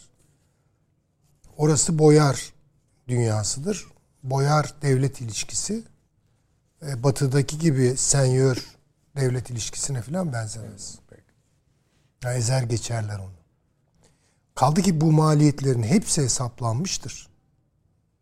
Ve onlara karşı da sonuna kadar içeride de gerekiyorsa bir mücadeleyi Rusya verecektir. Onun için aman çok dikkat yanlış atlara oynamayalım. Çünkü bir medyatik, informatif nebulaya sokulduk. Göz gözü görmüyor. Haberler böyle uçuşuyor yani. Putin geyik kanıyla yıkanırmış. Yani böyle haber geliyor mesela. Ya vahşi bir adam yani bakın. Ne zaman gördü kim geyik kanıyla yıkandığını? Veya Putin reşit olmayan 20 tane kızı sabaha kadar kullanırmış. Yeni mi çıktı bu yani? Savaş başladıktan sonra mı böyle bir sapıklık gelişti kendisine? Bakın buraya kadar vardırıyorlar. Ve Rusya'yı e, adeta bir ne bileyim bir dönem Irak gibi, bir dönem Afganistan gibi, bir dönem ne bileyim işte Venezuela gibi falan liderini de Idi Aminleştirmek falan. Yani bence e, bu senaryonun işleyeceği yerler var, işlemeyeceği yerler var. E, ben o kanaatteyim ki bu enformatif e, etkiler daha önce de burada konuşuldu. E, kamuoyunu ikna edemez artık. Yani bir yerden sonra ya insanlar buna gülerek bakacaklar bu tip haberlere. Demek istediğim e, meselenin katmanları böyle gözden geçirildiği zaman orada iki tane ordu var savaşıyor. Kim kimi yenecek falan. Aldım verdim oyunu gibi. Böyle bir şey yok. Çok büyük bir küresel hesaplaşma var. Ukrayna-Rusya savaşı Ukrayna-Rusya savaşından ibaret değil. Bir kere bunu görelim net. Burada kimler okkanın altına gidiyor? Kimler telafisi olmayan e, bir sürükleniş içerisinde tutunacak bir şey bulamıyor? Kimler bundan bir fırsat doğurabilir? Kimler kendini toparlayabilir? Biraz böyle bakmak lazım. Onun için Türkiye'nin de bence önüne konan ve ilk başta kısa ve orta vadede kendisine e, özellikle ekonomik anlamda toparlanma sağlayacak ama orta ve uzun vadede çok hata yaptırabilecek bir takım tercihlerden uzak durması lazım. Aklınızda bir şey var mı? Ee, var tabii. Yani Örneklemek ister misiniz? Yani örneklemek şöyle. Şimdi mesela Türkiye şu an bir tarafsızlık siyaseti gibi. Bence bu çok doğru Tamam. ve sonuna kadar. Ama bu sürdürülebilir mi değil mi? Yani şöyle bir noktadan hareket ediyorsak yarın üzülebiliriz. Bizi yokuşa sürdüklerinde yani. Ki adım adım oraya yaklaştığımız kanaatindeyiz. Hı. Victoria hanımefendi falan bunun için geldi. Gayet tabii. Çünkü bütün dünyaya bu çağrıyı yapıyor Biden. Yapıyor. Çağrı Ya sayılı- bendensin. Ya bendensin. Ya da düşmanımsın. Böyle bir şey olur mu? Böyle bir şey olur mu sorusunun cevabını reklamlardan sonra verelim Tamam, size hocam. Efendim kısa bir reklamlarımız var hemen geleceğiz. Devam ediyoruz efendim. Hüseyin Hocam sizde kaldık. Türkiye'nin Victoria Hanım'dan bahsediyordunuz. Bir de Türkiye'nin yapmaması gerekenlerden mi diyeyim? Öyle yani mi? yapmaması gereken şudur, yapması gereken budur gibi kimseye akıl öğretecek halim yok. Ben evet. bir siyasetçi değilim ama şunu söyleyebilirim. Belki e, çok kolay kapılmadan yürütmekte fayda var. Çünkü özellikle ekonomik durum belki bazı şeyleri zorluyor. İşte bunların arasında bir denge tutturması lazım siyasetçilerin. Onu söyleyebilirim rahatlıkla. Peki. Paşam. Ee, şeyle Ukrayna'ya. Ee, önce ben e, şu Almanya konusuna Tabii, hay Almanya hay, esasında e, biz aşırı silahlanıyor diyoruz ama e, Alman gazetelerine ve diğerlerine baktığımızda 100 milyar avro bir kereliğine onay aldı. E, bu da ilk kez NATO'daki %2 gayri safi milli hasılanın savunmaya harcanması limitini ilk kez Almanya geçti. Merkel 1.10'da 6 idi. İkincisi bu zorlamanın İki olması esasında, gerekiyordu değil mi? Evet %2. E, ikincisi de Trump'la Merkel bir görüşme yapmışlardı biliyorsunuz. Almanya'nın tek başına %32 idi NATO'ya olan e, desteği. Bunu dedi %50-50 paylaşacağız demişti Merkel'e. Esasında Scholz'un şu anda aldığı karar Amerika Birleşik Devletleri de Trump zamanında Merkel'le yapılan bir anlaşmaya dayalı bir arttırımdır. Yani bu e, tam anlamıyla Scholz'un göreve geldiği andan itibaren Merkel'den aldığı bir görevdir diyelim. E, çünkü ikincisi de e, Alman silahlı kuvvetlerinin durumu tam anlamıyla Trump'ın dediği gibi işler acısı. E, o yüzden tornado uçakları gibi artık kullanılmayan ve bütün tanklar ve diğerlerinin her birinin sistemi yenilenmesi gerekiyor. Alman ordusu yıllardır ciddi bir tatbikata katılmadı. NATO seviyesinde bile çok düşük birliklerle katıldı. Ve bugün Alman ordusunun savaşma yeteneği yok. Deniz bir kuvvetleri tek denizaltıları iyi herhalde. Evet bir tek deniz kuvvetleri ve denizaltıları. Uçakları bile e, İHA SİHA yok. Evet evet. Uçaklarını ee, siz söylediniz. Bununla e, silahlı kuvvetleri toparlayacak İkincisi de e, tabii bunu çabuklaştıran neydi esasında? Biraz şol zamana yayacaktı ama krizin e, çıkması Rusya-Ukrayna savaşı bunu hızlandırdı. Yani e, dünyada denildi işte Almanya yeni bir güvenlik politikası mı yapıyor vesaire filan değil. E, NATO kapsamında Almanya'nın e, Trump'a verdiği söz. O tarihte bakalım sanırım e, 100 küsür milyar dolardı o civarda bir e, paylaşım yapmışlardı o tarihte. Bunun bir e, esasında ödemesini yapıyor Scholz kendi silahlı kuvvetleri açısına ve e, Almanya'nın Merkel döneminde hiçbir zaman ulaşmadığı yüzde ikilik orana Trump ulaşacaksınız demişti ve şu anda yüzde ikiyi geçmiş oluyor bu suretle ilk kez. Yani Türkiye'nin bile gerisindeydi. Söylediğinizden şunu mu anlamalıyım? Bu para anca durumu, durumu telafi eder. Bir, bugüne bugüne bu, getirmeye çalışacak çalışır. yani. Evet. Yoksa bir hani evet tekrardan militarizasyon süreci falan yok, görmüyorum diyor. Yok yani bu Peki rakam, Ukrayna savaşı olmasa bu para harcanır mıydı? Gene harcanmak zorunda. Çünkü Amerika ile taahhüt etti Merkel. Yani Merkel'in ayrılırken en önemli devrettiği konu buydu. Yani Trump biliyorsun Brüksel'e geldiğinde herkese tabiri caizse fırça attı. Bu binaları dedi benden aldığınız paralarla yaptınız canım, bilmem neler dedi. Almanya'ya laf attı, Fransa'ya laf attı. Tabii. Yoksa şimdi Merkel'i Fransızlara ne dedi hatırlamıyor musunuz? Şu anda Almanca konuşuyordunuz dedi. Evet. Yüzde, yüzde 32'sini ben ödüyorum. Sen dedi yıllardır dedi benim Stuttgart'ta bilmem nerede tuttuğum 38 bin kişilik kuvvetle dedi kendi güvenliğini sağlıyorsun. NATO'ya yaptığın harcama yüzde bir onda altı da oranında. Bunu dedi yüzde ikinin üstüne çıkaracaksın. İki benim yüzde otuz iki verdiğimi yüzde on altısında sen karşılayacaksın dedi. Ve Merkel'le onu taahhüt etti ve iki yıl sonra başlayacaktı. Tam şu anda iki yıl geçti. Yani Almanya'nın bu taahhütü iki yıl sonra başlıyordu ve şu anda dediğim gibi Scholz'un göreve gelmesiyle muhtemelen Biden Trump'a verilen NATO'daki sözü e, veya imzalı belgeyi hatırlattı. Ve birdenbire Scholz aklına bu geldi ve aynı zamanda ordunun raporları da bir felaket. Yani e, reorganizasyon içinde çok ciddi bir modernizasyonun ihtiyacı var. E, bunu da e, karşılamak ve buna baktığında e, ordudan sanırım Scholz bir rapor aldı.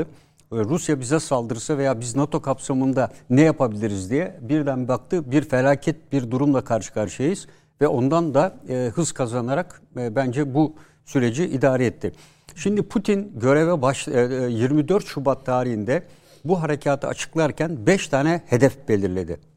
E, bir dedi e, Ukrayna'yı askersizleştirmek. Hedef. iki iktidarın devrilmesi. Üç ulusların kendi kaderine tayin hakkı. Dört, Kiev'den nükleer silah imalatı veya benzeri bir şeye asla müsaade edilmemesi. Beş, Ukrayna'nın asla NATO ülkeliğine dahil edilmemesidir. Bu beş tane temel amaçla yola çıkmıştı. Bu temel amaçlardan bugün 40 günü geçmiş durumda. Baktığımızda bu beş temel amacı ne ölçüde gerçekleştirdiğine bakalım. Bunu Putin kendi sesinden ifade etmişti. Ben bu beş maddeyi çok özet olarak yazdım. E, bunlara baktığımızda e, esasında e, NATO üyeliği konusunda e, sondan başlarsak önemli bir mesafe kat ettiğini e, görebiliriz. NATO üyeliği yerine dikkat ederseniz hep e, Putin Avrupa Birliği üyeliğini ön plana çıkartmaya başladı. Avrupa Birliği üyeliği esasında Putin'in e, bence çok ilginç bir stratejisi olduğunu düşünüyorum. Çünkü e, Ukrayna'nın e, bu haliyle Avrupa Birliği kriterlerini asla taşıyamayacağını, Avrupa Birliği üzerinde çok ciddi bir mali yük taşıyacağını biliyor. Arkasından biliyorsunuz Moldova'nın e, de Avrupa Birliği ve Gürcistan'ın e, üyelikleri söz konusu. Bunların da hiçbirinin bu kriterleri karşılayamayacağını biliyor. Ve en önemli güvencesi e, ne demişti? E, bizi destekleyen sağlam müttefiklerimiz var demişti. Avrupa'nın tam ortasında ve Avrupa Birliği'nde Macaristan'ın e, veto e, hakkını kullanarak Ukrayna'nın e, bakın ben istedim ama e, siz kendi içinizde birlik olamıyorsunuz diyerek açtığı yolun Macaristan tarafından veya benzeri ülkeler tarafından kapatılacağını da bilincinde. E, bu açıdan e, NATO'yu düşürerek Avrupa Birliği ayağını oynamaya başladı. Bununla birlikte Avrupa Birliği içerisinde bakın Ukrayna ne dedi? 2018'de Fransa ve Almanya bizi NATO'ya kabul etseydiniz bugün Rusya bu savaşı yapmayacaktır dedi Zelenski en sonunda. Şimdi de aynı şeyi demelerini Avrupa Birliği'nden. Bakın ben yol açtım Avrupa Birliği'ne gönderdim ama siz kendi içinizde birlik olamıyorsunuz diyerek Avrupa Birliği üzerinden esasında NATO'yu çatırdatmak şeklinde bir hamle olduğu dikkate alınmalıdır diye düşünüyorum. E, Kiev'de nükleer silah konusu e, bununla ilgili e, bugüne kadar gelmedi ama Amerikalıların biyolojik silah laboratuvarları konusunda e, bir takım bilgi ve verilere ulaştıkları belli. Bunu zamanı gelince açıklayacaklardır. E, şu anda e, esas itibariyle e, ulusların kendi kaderini tayin hakkı. Yani harekatın dayandığı şey neydi? 51. madde meşru müdafaa. Ve e, esasında 51. maddenin çok çok üstünde bir niyetle Putin hareket etti. Bunu hep söyledik. Çok geniş cephede harekat icra ediyor. Bu kadar geniş cephede harekat sürdürülemez e, ve e, Ukrayna 2014'teki Ukrayna değil. E, çünkü NATO tarafından eğitildi, savunma hatları buna göre dizayn edildi, lojistik desteği sağlandı e, ve birçok açıdan da e, bir kere ben e, buradaki e, paralı askerlerin veya diğerlerinin, şirketlerin hemen harekat başladıktan sonra geldiğini asla düşünmüyorum. Bunların hepsi aylar öncesinden buraya geldiler, mevzilendiler, yapılarını kurdular ve organik bir teşkilat içerisinde bağlarını da kurdular. 3 gün 5 gün önceden gelerek Rusya gibi bir güce karşı 3-5 e, tane 1000 tane e, bir askeri güçle, paralı askeri güçle burada çatışmak e, mümkün değildir. O yüzden Azok NATO yani Rusya'nın NATO Polonya'ya kaç, kaçırttığı diyelim öyle söyleyeyim. NATO üsleri ortaya çıkmıştı zaten Çıktı. ikinci haftada. Ben e, aslında şundan e, ciddi şüpheleniyorum. Tabii Rusya bunu daha çok değerlendirecektir. E, bu e, belirli bölgelerde e, ben e, Rusya'nın, e, NATO'nun e, bazı kuvvetlerinin e, kıyafet değiştirilmiş veya NATO ordusu içine eklemlenmiş olarak görev yaptığını ben açıkçası hmm. değerlendiriyorum. Kimseyi şaşırtmaz herhalde söylediğim. Evet. Yani burada e, çünkü doğrudan doğruya bir güç e, tahsilin bir e, kuvvet çarpanı oluşturmayacağını tam tersi Rusya'nın tepkisiyle karşı bildiği için bu yöntemi e, izlediğini ben düşünüyorum. E, ve burada esasında Rusya çekilmiyor.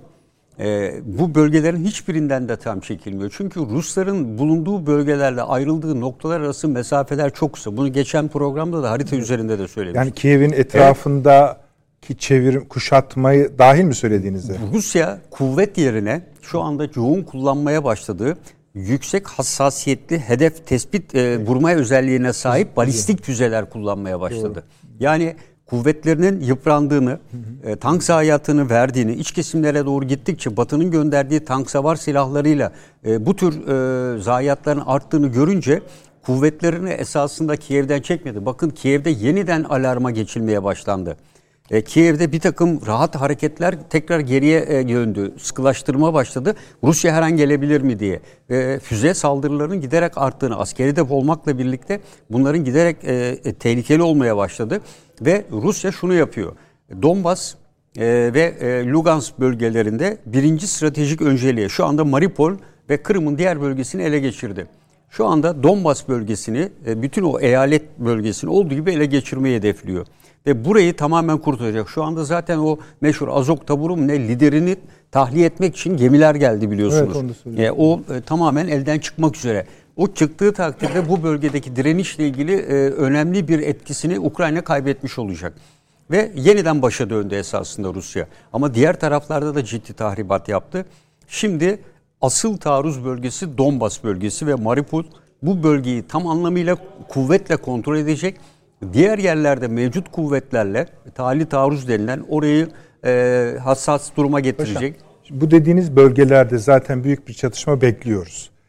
Ee, çatışma demek de haksız yani küçümsemek o savaş bekliyoruz evet. yani. Şimdi onu zaten bir, biz konu çok konuşacağız daha. Fakat Tamam bunlar tamamlandı. Ee? Bu birinci aşama. Ben zaten ilk baştan itibaren dikkat edin hep İkinci üç, aşama. üç aşamayı söylemiştim. Ve e, Putin'in geniş cepheli harekatla tabii farklı bir stratejide gütmüş olabilir. Kuvvetleri çok dağıttığını ve e, esas taarruzun hep Donbas olduğunu. Donbas'ı birinci aşama ele geçirecek. İkinci aşama Dnieper Nehri e, ilk başta hep dediler ki yani Dnieper Nehri'ni bu son aşama olacaktı. E, aşama aşama ilerleyecekti. Yani burada e, Putin bu saydığım beş maddeyi e, Ukrayna'nın askersizleştirmesi şu anda mümkün değil. Olmadı. E, iktidarın devrilmesi mümkün değil. Bu da olmadı. Ulusların kendi kaderini tayin bir kısım kendilerine bağımsızlık ilanı gibi hareketler içindeler. Lugansk Meclisi vesaire ama tam o da karşılığını bulmadı. Dolayısıyla 5 maddeden bir tek NATO üyeliği hariç onun yerine de Avrupa Birliği'ni eklemlendirdi. Diğerlerinin herhangi bir gelişme as, olmadı. As, esasında ondan da çekildi. Yani Beşinci... Vazgeçti evet. Evet. O, tabii, o da tabii. zaten kabul etmiyorum. İster olsun ister olmasın gibi de bir şeyler söyledi. Yani Putin'in bugünkü ee, açıklamaları o da yok, onlar da yok. E, Putin bugünkü açıklamalarla esasında dediğim gibi birinci aşamada asıl hedef Kırım, Donbas bölgesini bir bütün halinde birleştirmek ve akabinde kesin ve kesin olarak Odessa'yı ele geçirecek. Bunu hep söylüyorum. Çünkü baktığınızda en mantıklı hedeftir. Üç'ünün hep söylüyoruz denizle olan ilişkini kesmek. Ve ileride Karadeniz'de bulunacak olan NATO e, ülke sayısını e, hep e, üçte tutmak. Türkiye, Romanya ve Bulgaristan. Bunu yapmaya çalışacak. Aksi takdirde Ukrayna'nın denizde kıyısının olması halinde kendi karasuları o nispette azalacak. Bakın yine işaretledik. Sadece Azak denizinin Kırım Yarımadası'nın kontrol altına alınmasıyla Rusya'nın sağladığı kara suyunun genişliğini bir hesaplayalım. Bir de Odessa'nın ele geçirilmesi halinde Rusya'nın münasır ekonomik bölge ve kara suyu genişliğine bakın. Ee, ve o bölgeler yeraltı kaynaklar açısından da oldukça zengin olduğu söyleniyor. Ve Rusya ciddi bir kontrol sağlayacak. Kiev'e gidip gitmemesi bence önemli değil. Önemli olan Odessa, Dnieper hattı ve e, Donbas bölgesi. Şöyle bir hat çizelim. Kiev'in bundan sonra kendi kendine zaten e, düşmesi beklenebilir. İktidar değişikliği olabilir. Burada zaten hiçbir şekilde Kiev ele geçirmek diye bir hedef yok. İktidarın devrilmesi diyor. Ee, bunu ateş desteğiyle yapabilir, diğer unsurlarla yapabilir. Ee, ben hep buna bakarım. Yani Putin e, o zaman 5 madde ne söyledi? Şu ana kadar bu 5 maddeden ne ele geçirdi? Paşam saha daha vahim gözükmekle birlikte eğer bu müzakere maddeleri bizim de gördüğümüz gibi ve sizin de söylediğiniz gibi tamamen sıfırlanmışsa insanın aklına şu geliyor. Ya Kiev artık daha çok kendisine güveniyor ya da yük arkasındakiler daha çok kulağını çekmeye başladılar kımıldama diye. Ben e, bundan sonra Putin'in e, her türlü elindeki gücü kullanacağını düşünüyorum ve hep bunu e, ifade ediyordum. Olay nükleer silah kullanmaya kadar gidebilir. Yani işte korkumuz e, o çünkü bugünkü konuşmasında var evet. yani nükleer yani daha bu sonuna kadar gidecek Nereye varırsa Bakın, varsın Bugün izleri Avrupa var. gazetelerinde yazan Avrupa'da e, e, portatif çadır, tuz tableti, iot ve benzeri konserve satışlarında inanılmaz bir e, artış yaşanmış. Son birkaç gündür. Ee, Avrupa'da e, marketlerde falan hep böyle e, zor şartlar altında yaşamaya uygun, nükleer saldırıya uygun giderek artan bir e, paranoya diyelim ve evet e, bu e, konuda ciddi bir şey var. E, Putin ee, en sonunda bu dediğim gibi ben hocama katılıyorum. Yaptırımların hiçbir değeri olmayacaktır. Bugün İran'ı bile pes etmedi. İran şu anda nükleer zenginleştirmede 300 küsür kilograma e, yüzde 20 ile zenginleştirme, yüzde 60 zenginleştirmeyle de 32 kilograma kadar çıktı. Ben, ben hep iddia ediyorum İran nükleer silah imal etmiştir. E, birkaç tane nükleer silah olduğunu düşünüyorum. Olmasa İsrail bugüne kadar çok saldı, çoktan saldırmıştı. O işte o, o bir fasıl ama o konuşuluyor işte. Yani e, bunu söylüyorum yüzde 60'a çıktığı anda yüzde 80'e ne kaldı? Yüzde 20 kaldı. Aradan geçti bir sene. Yüzde 60'a ulaştığında resmi açıkladığında tam bir sene geçti. Bir senedir yüzde 60'da mı duruyor? Onu ne kontrol eden var şu anda? Bir arada bir geliyor Uluslararası Atom Enerjisi Kurumu. Ve diğerleri geliyor. Amerika da bunu bildiği için zaten nükleer müzakereleri kesti. Bir sonuç alınamayacağını ve İran da umurunda değil açıkçası. Ve Rusya çok e, bence Putin'le birlikte farklı bir strateji. Bugün e, Ermenistan ve Azerbaycan e, evet Avrupa Birliği'nin devreye girmesiyle Minsk'in ve diğerlerinin dışlaması ama Rusya'nın dahil olmaksızın Avrupa Birliği'nin aracı olarak Ermenistan-Azerbaycan arasındaki bu ilişkiyi şu anki e, bir anlaşma sürecine getirmesi mümkün değil. Rusya bunda ne yapıyor? Arka bahçesindeki anlaşmazlığı indirip ticaret yolları, petrol satış yollarını İran üzerinden Körfez'den açık tutmaya çalışıyor sorunlu bölgelerini azaltacak. Bundan sonra sıra İdlib'e gelecek. İdlib'de de aynı şey olacağını düşünüyorum. Tamam hocam. Buyurunuz paşam. Hocam. Hocam. Şimdi şöyle. Birincisi bu Rusya-Ukrayna savaşı ile başlayacak olursak e, burada galiba Kiev'in kuşatılması yukarıdan Çernihiv bölgesine falan girmeleri Rusların galiba taktikti. Şöyle karşılarındaki Ukrayna ordusu sayıca kendilerinden çok daha yüksek. Hı.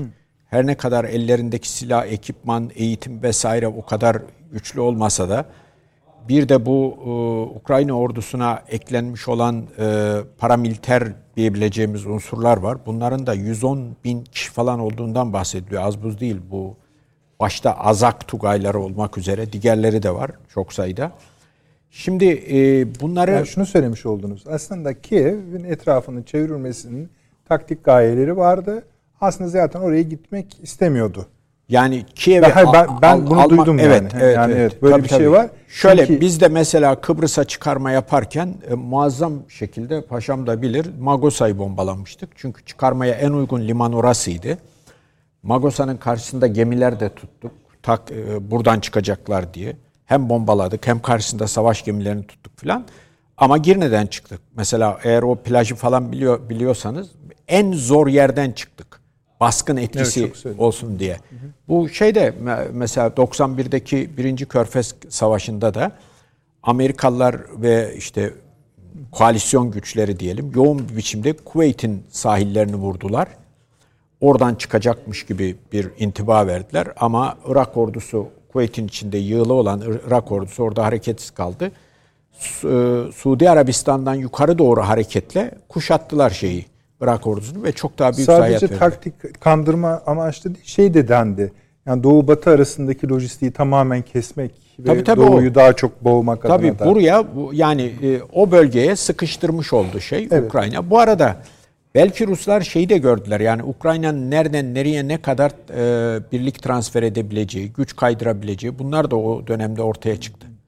Şimdi dolayısıyla burada büyük e, Donbas'ın açığında yani Rusya'nın eli, e, Ruslar Rus ayrılıkçıların kontrol ettiği Donbas'ın tamamı değildi. Ama o onların kontrol ettiği alanın dışındaki bölgelerde o alanı kuşatma altında tutan 8 yıldır ciddi bir Ukrayna ordusu var. Bu 60 ila 80 bin kişi civarında evet, söyleniyor. Şimdi onu kuşatmaya yönelik hem doğudan içeriden Donbas'daki Rus kuvvetleri hem de kuzeyden güneye Doğru. Mariupol üzerinden bir şeyle Bugün biliyorsunuz uzun onu, bir konvoyun videoları, Evet, onları diye. çevirmeye çalışıyorlar. Yani savaşın büyük bir şeyi. Bir kısım diyor ki tamamen çevrilmiş durumda diyor. Yani 60-80 bin rakamını ben çok duydum. 40 bin diyen de var. Hiç fark etmez. İnanılmaz rakamlar. Ukrayna bunlar. Ukrayna Dışişleri Bakanlığı'nın da şöyle bir şey vardı açıklaması. Avrupalılara kızıyor. Diyor ki tamam laf çok da hani iş yok. Eğer bu 4-5 gün içinde ya da çok kısa bir zaman içinde Ukrayna'nın e, şeyine gelmezseniz yardımına e, sonradan hani Ukrayna bulamayabilirsiniz falan. Şimdi bunlar bizi bir yere ama götürüyor. Ama öyle diyorlar hem de şöyle yapıyorlar. İşte anlaşmayı bozuyor falan nasıl yani? Şimdi şöyle e, ben artık şu kanaate geldim. Mesela Zelenski, Poroshenko Zelenski'ye göre çok daha savaşçı biriydi. Yani ben bu o, Minsk anlaşmalarını bir, bir tür silah zoruyla imzaladım. Hiçbir zaman memnun değildim. Ee, hem 2014 Eylül'ünde hem 2015 Şubat'ında ama ben bu işi savaşta çözeceğim der gibiydi. Ve e, 2014'ten 2020 yani görevini bıraktığı 2019'a kadar Ukrayna ordusunun Donbas'ı bombalamak suretiyle taciz etmesi siyasetinin de mimarıydı. Şimdi buna karşılık Zelenski ikinci turda seçilip gelen o yüzden de %73 yüzden. oy alan biri. Ama bir öze şey daha var ayrıntı orada. Zelenski ısrarla ben barış getireceğim diyerek geldi. Şimdi bu da beraberinde e, aslında Rusya ile de huzur getireceğim dedi. Tabii. Ukrayna'nın doğusundan da kuvvetli oy almış olması lazım. Zaten kendisi de doğudan Söyle, bir yer. Aldı, ha. aldı, aldı. Şimdi e, ama ama mesela en son Yunan parlamentosuna yaptığı konuşmada açıkça ortaya çıktığı gibi öyle anlaşılıyor ki bu neo-nazi gruplarının esiri durumunda. Bravo. Tamam, Etrafında biliyoruz. onlar var. Çok doğru söylüyorsun. Şimdi dış politika itibariyle İngiltere-Amerika e, ikilisinin kontrolünde ve bu neo-nazi gruplarının kontrolünde. İçeride de durum bu. Zaten kendisini başlangıçta meşhur eden, kendi televizyonda çıkaran falan da bu neo-nazi gruplarının finansörlerinden biri. 2013-2014'te de neonazilerle bağlantı kuran grup Amerikan grupları. Aynen. Hı hı. Şimdi bütün bunlar bizi bir yere götürüyor. Hatta bir şey daha söyleyeyim o da kendi içinde önemli. Mesela Blinken savaşın başlangıcında bu eğer şey kaçarsa Zelenski ülkeden kaçarsa filan diye konuşulurken orada bir şey söyledi. Dedi ki hani Zelenski çıkarsa ülkeden diyelim İngiltere'ye gider, Amerika'ya gider ya da Polonya'ya gider. Sürgünde e, Ukrayna hükümeti kurar. Ama Blinken bir şey daha dedi. Dedi ki eğer Zelenski öldürülürse B planımız hazır. Şimdi oradan şu sonucu da çıkarmak mümkün. Yani Zelenski savaşın 24. saati dolmadan bir açıklama yapmıştı. Dedi ki ben Moskova ile birebir e, Kırım, Donbas ve Moskova'nın talepleri NATO üyeliği e, olmayacağı e, gibi bütün konular dahil olmak üzere hemen görüşmeye ve bu savaşı sonlandırmaya hazırım dedi. Ama ne zaman ki böyle bir şey yapıyor dışarıdan İngiltere'den Amerika'dan baskılar yani geliyor. Düşün, Ama baskı haftada gelmiyor. bu beşinci örnek belki. Tabii ve bu baskı şeklinde gelmiyor. Şöyle geliyor onlar Rusya'ya bir parti daha yaptırım. Ukrayna'ya bir parti daha silah yardımı falan. Aslında bu silah yardımlar da enteresan. Mesela birçok ülkenin birçok silah yardımı yapacağı açıklanıyor. Mesela Almanya haftalardır herhangi bir silah sevkiyatında bulunmamış. Bir de şey dedi, bizim bizim şey bitti dedi stok. Ha yok, yok diyor zaten. Evet, Daha önceki vermiş olduklarının da Çalışıp kullanılamaz durumda olduğu falan evet. söyleniyor. Şu bu. Şimdi e, işte ne bileyim Slovak elindeki muhtemelen çalışmayan S-300'ü veriyor. Bunun karşında Amerika'ya diyor ki sen bana Patriot getir. Ruslar diyor ki biz o S-300'ün vurduk diyor. parçalarını vesaireyi vurduk. Kullanılamaz hale gelmiş durumda. Şimdi böyle birbiriyle e, yani büyük bir... Kendi söylediklerimiz dışında... Aynen, aynen enformasyon şeyi var. Şimdi birincisi bu, bu tespitleri yaptıktan sonra şöyle bir yere doğru evriliyor muhtemelen savaş. Yani Rusya tarafı kabaca onların taleplerini şuraya indirgeyebiliriz. Bir, NATO'ya girmeme e, ve tarafsızlık politikası. Bunun Ukrayna'nın anayasasına girmesi evet. gerekiyor. Şimdi e, en önemli gördükleri ikinci şey Naziliğin tasfiyesi. Hı. Şimdi bu Naziliğin tasfiyesinde Ukrayna hükümetinin işbirliğini bekliyorlardı belki ama onun yerine kendileri bu işi yapıyorlar şu anda. Yapıyorlar öldürerek. Çünkü yapıyor. evet yani e, hani taking no Ama prisoners. bunu en başta söylediler. Elimize geçirmeyelim dediler. Tabii tabii yani e, esir almayacağız dediler. Çünkü bunlar şey değil dediler. Yani dışarıdan gelenler için de aynı şeyi söylüyorlar. Yani dışarıdan gelip de orada savaşacak olanlara Oradaki sorun yani siyasetin tabii, bu yöne gitmesinin sorumlusu. sözleşmelerini evet. uygulamayacağız dediler. Bunlar çünkü asker değil dediler. Ha. Şimdi e, Ukrayna'nın nükleer teknolojiye sahip olduğunu biliyoruz. Kuzey Kore'de Ukrayna'dan çalma yoluyla bu teknolojiyi elde eden bir ülke. Yani Ukrayna e, serbest bırakıldığı takdirde çok kısa sürede e, nükleer şey silah yapabilecek bir ülke e, sanayi altyapısı, bilgi e, altyapısı buna uygun. Şimdi son bir şey. Benim görüşüm Ukrayna Ruslar Zelenski ile bir anlaşmaya gitmeyi aksine ihtimale tercih ederler. Tamam. Şimdi Zelenski e, Ruslar açısından bizim Paşinyanımız olur Ruslar için. Hmm. Yani neden öyledir? Çünkü aslında Zelenski'yi o neonazilerin kontrolünden kurtarabilseler ve e, onunla müzakere edebilseler şöyle yapabilirler mesela çözümde. E, şimdi e, Rusların e, Kırım'ı e, Kırım'a el koymalarından, ilhak etmelerinden bu yana söyledikleri bir şey daha vardı. Diyorlardı ki, şimdi Ukrayna denilen ülkenin özellikle Dnieper Nehri'nin doğusu başta olmak üzere ama Odessa da dahil, Odessa biraz daha bu tarafta kalıyor. Ee, bu buralarda çok ciddi bir Rus nüfus var ama bu etnik Rus anlamına gelmiyor. Bazen etnik Rus üzerinde duruyorlar. İşte yüzde 17, yüzde 20 gibi rakamlar çıkıyor. Ama bir de e, etnik Rus olmasa da ya karışık evliliklerden doğmuş ya da ana dili Rusça haline dönüşmüş ve kimlik ve kültür olarak kendini Rus farz eden insanlardan bir toplam oluşturduğunuzda neredeyse Ukrayna yarı yarıya çıkıyor. Şimdi bakın 2014'te e, düşünün Kırım'a Ruslar el koymuş. Donbas fiilen ayrılmış. Donbas. Ve yapılan seçimlerde e, beklersiniz ki Ukrayna tarafının e, savaşçısı Poroshenko büyük bir oy çoğunluğuyla, ezici bir ço- oy, çoğunlukla gelmiş olsun başkanla.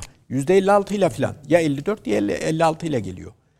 Ve 2019'da e, Yanukovych yani Rus yanlısı diye söylenen Rusya ile iyi ilişkilerden yana olan devlet başkanı da buna yakın bir oranla seçiliyor. Ve e, o ikinci Yanukovych'in ikinci defa gelmesi, birincisi gerçi turuncu devrimde güme gitti. Dolayısıyla e, başkanlık yapamadı. E, şey gelmişti. Yushchenko gelmişti. Şimdi 2019'da Yanukovych e, seçilirken de böyle bir or, oy oranına sahip olması ve muhalefetin bu seçimlerde hile yapıldığını söyleyememesi de Ukrayna'daki bu duruma durum açısından manidar. Yani Rusların iddialarını doğrulayıcı bir şey. Yani Ukrayna'da çok ciddi bir Rus nüfus var diyor. Bu etnik köken anlamına gelmiyor illa. Şimdi bu bizi nereye götürüyor? Şunu diyorlardı. Diyorlardı ki kardeşim Ukrayna bir milli devlet olamaz. Ya yani bunun bir federasyon olması lazım. Şimdi o zaman nasıl bir federasyon var? Bizim elimizdeki model eski Sovyetler Birliği federasyonu olarak. Yani iki kurucu devletten oluşan, iki kurucu milletten oluşan bir federasyon olabilir. Şimdi bak e, operasyonlara baktığımızda bunun coğrafyası ortaya çıkıyor belki de. Tabii canım. Eğer böyle giderse. Doğru ha. Ve az önce Paşam'ın da dediği gibi Odessa'yı da buna dahil ederlerse ki olması kuvvetle muhtemel ya Odessa'ya bir amfibik çıkarma yaparak ya da kuzeyden Odessa'yı aşağıya doğru gelerek e, kontrollerini alarak. Şimdi bu da şöyle bir yere götürebilir. Bir, Zelenski bir normal çözümde Kırım'ın Rusya'ya ait olduğunu kabul edip ama başka bir, bir kurucu, iki kurucu cumhuriyetten oluşan bir federasyon yapıldığı takdirde Donbas'taki iki ayrılıkçı cumhuriyet e, Ukrayna Federasyonu'nun kurucu devletinin parçaları olurlar. Anladım. Ya bu da Zelenski'ye şunu getirir, kamuoyuna der ki, bakın ben Kırım'ı kaybettim ama benden önceydi bu zaten. O mümkün değildi. Ama Donbas'ı geri aldım. Ha bir de şöyle bir şey var. Ukrayna o kadar kontrol edilemez bir ülke haline geldi ki Rusya açısından. Şimdi batıda, orta ve batıdaki Ukrayna milliyetçiliğinin çok ama çok yüksek orandaki Rus karşıtlığı, Rusya karşıtlığı. Yani bizim neye benziyor biliyor musunuz? Bize bize karşı biz biraz daha iyi anlayabiliriz. Biraz Ermeni milliyetçiliğine benziyor. Biraz Yunan milliyetçiliğine benziyor. Yani sürekli olarak yani milliyetçiliğin özü esası karşıtlığa dayanıyor, Rus karşıtlığına. Onları kontrol altında tutabilmenin yolu da böyle bir federasyon olabilir. Anladım. Ama bunu göreceğiz. Bu Buraya... şöyle göreceğiz. Yani müzakere masasında muhakkak konuşulabilir bu konular. Bir evet. öneri olarak da söylenebilir Tabii. hatta. Gel gelelim kimsenin müzakere masası kurmak istediği istemediği Şimdi konusunda. şu Donbas'taki operasyonda Ruslar başarılı olur ve oradaki Ukrayna ordusunun belki belini kırarlarsa az önce Fahri Paşa'nın söylediği gibi Kiev'e giden yol açılıyor oradan. Tabii. Yani Kiev'i kuşa, kuzeyden gelip kuşatmaya çalışmak yerine aşağıdan yukarıya doğru gitmek Zaten, daha da kolaylaşıyor. Evet, yani ve işler, işler orada çok değişir. Peki. Şimdi son bir şey şu. Çok kısa hocam. E, bu savaş aslında üç cephede devam ediyor. Bir şimdiki bahsettiğimiz savaş yani Rusya ile Ukrayna arasında. Bir medyadaki savaş onu Ukrayna ezici bir çoğunlukla kazanmış hmm. durumda. Bir de çok kutupluluğun savaşı veriliyor. Hmm. bütün dünyanın gidişatını değiştiren bir yani dünya düzeni transforme oluyor. Aynen öyle. Şimdi bunu söyleyince de şuraya geliyor iş. Türkiye'nin mevcut politikasını sürdürmesi lazım. Ee, burada Türkiye'nin en büyük avantajı kendi üzerine gelenlere karşı özellikle Batı dünyası gelecek Türkiye'nin üzerine. Yani diğerlerinin Türkiye'den bir beklentisi olmayacak. Mesela Rusya'nın Türkiye'den ya benim yanımda ol diye bir beklentisi yok. Mevcut politikasını sürdürmesi Türkiye'nin Rusya'ya yetiyor.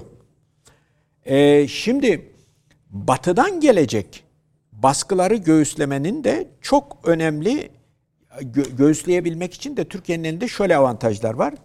Bugüne kadar özellikle tek kutuplu dünya düzeninde Amerika'nın Türkiye'ye karşı yaptığı ya da yapmaya teşebbüs ettiği o kadar büyük kötülükler var ki onlardan bile vazgeçmeye razı değil Amerikan derin devleti. Ki Biden yönetimini Amerikan derin devletinin parçası diye düşünelim.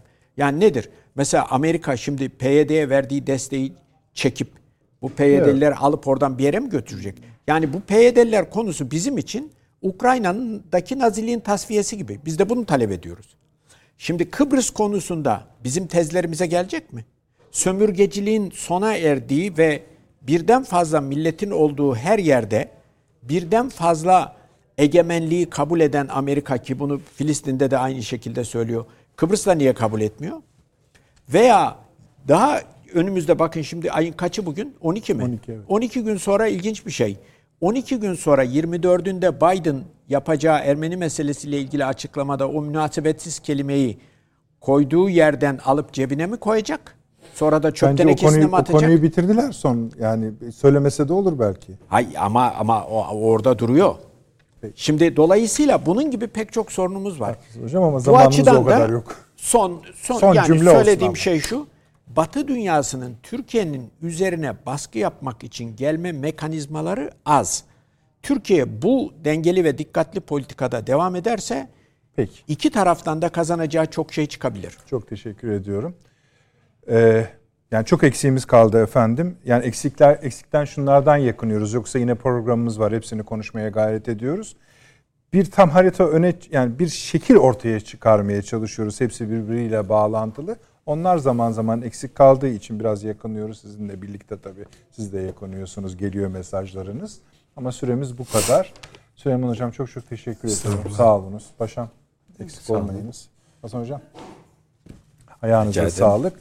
Perşembe efendim yine birlikteyiz. Aynı saatte, aynı yerde, aynı kanalda. İyi geceler.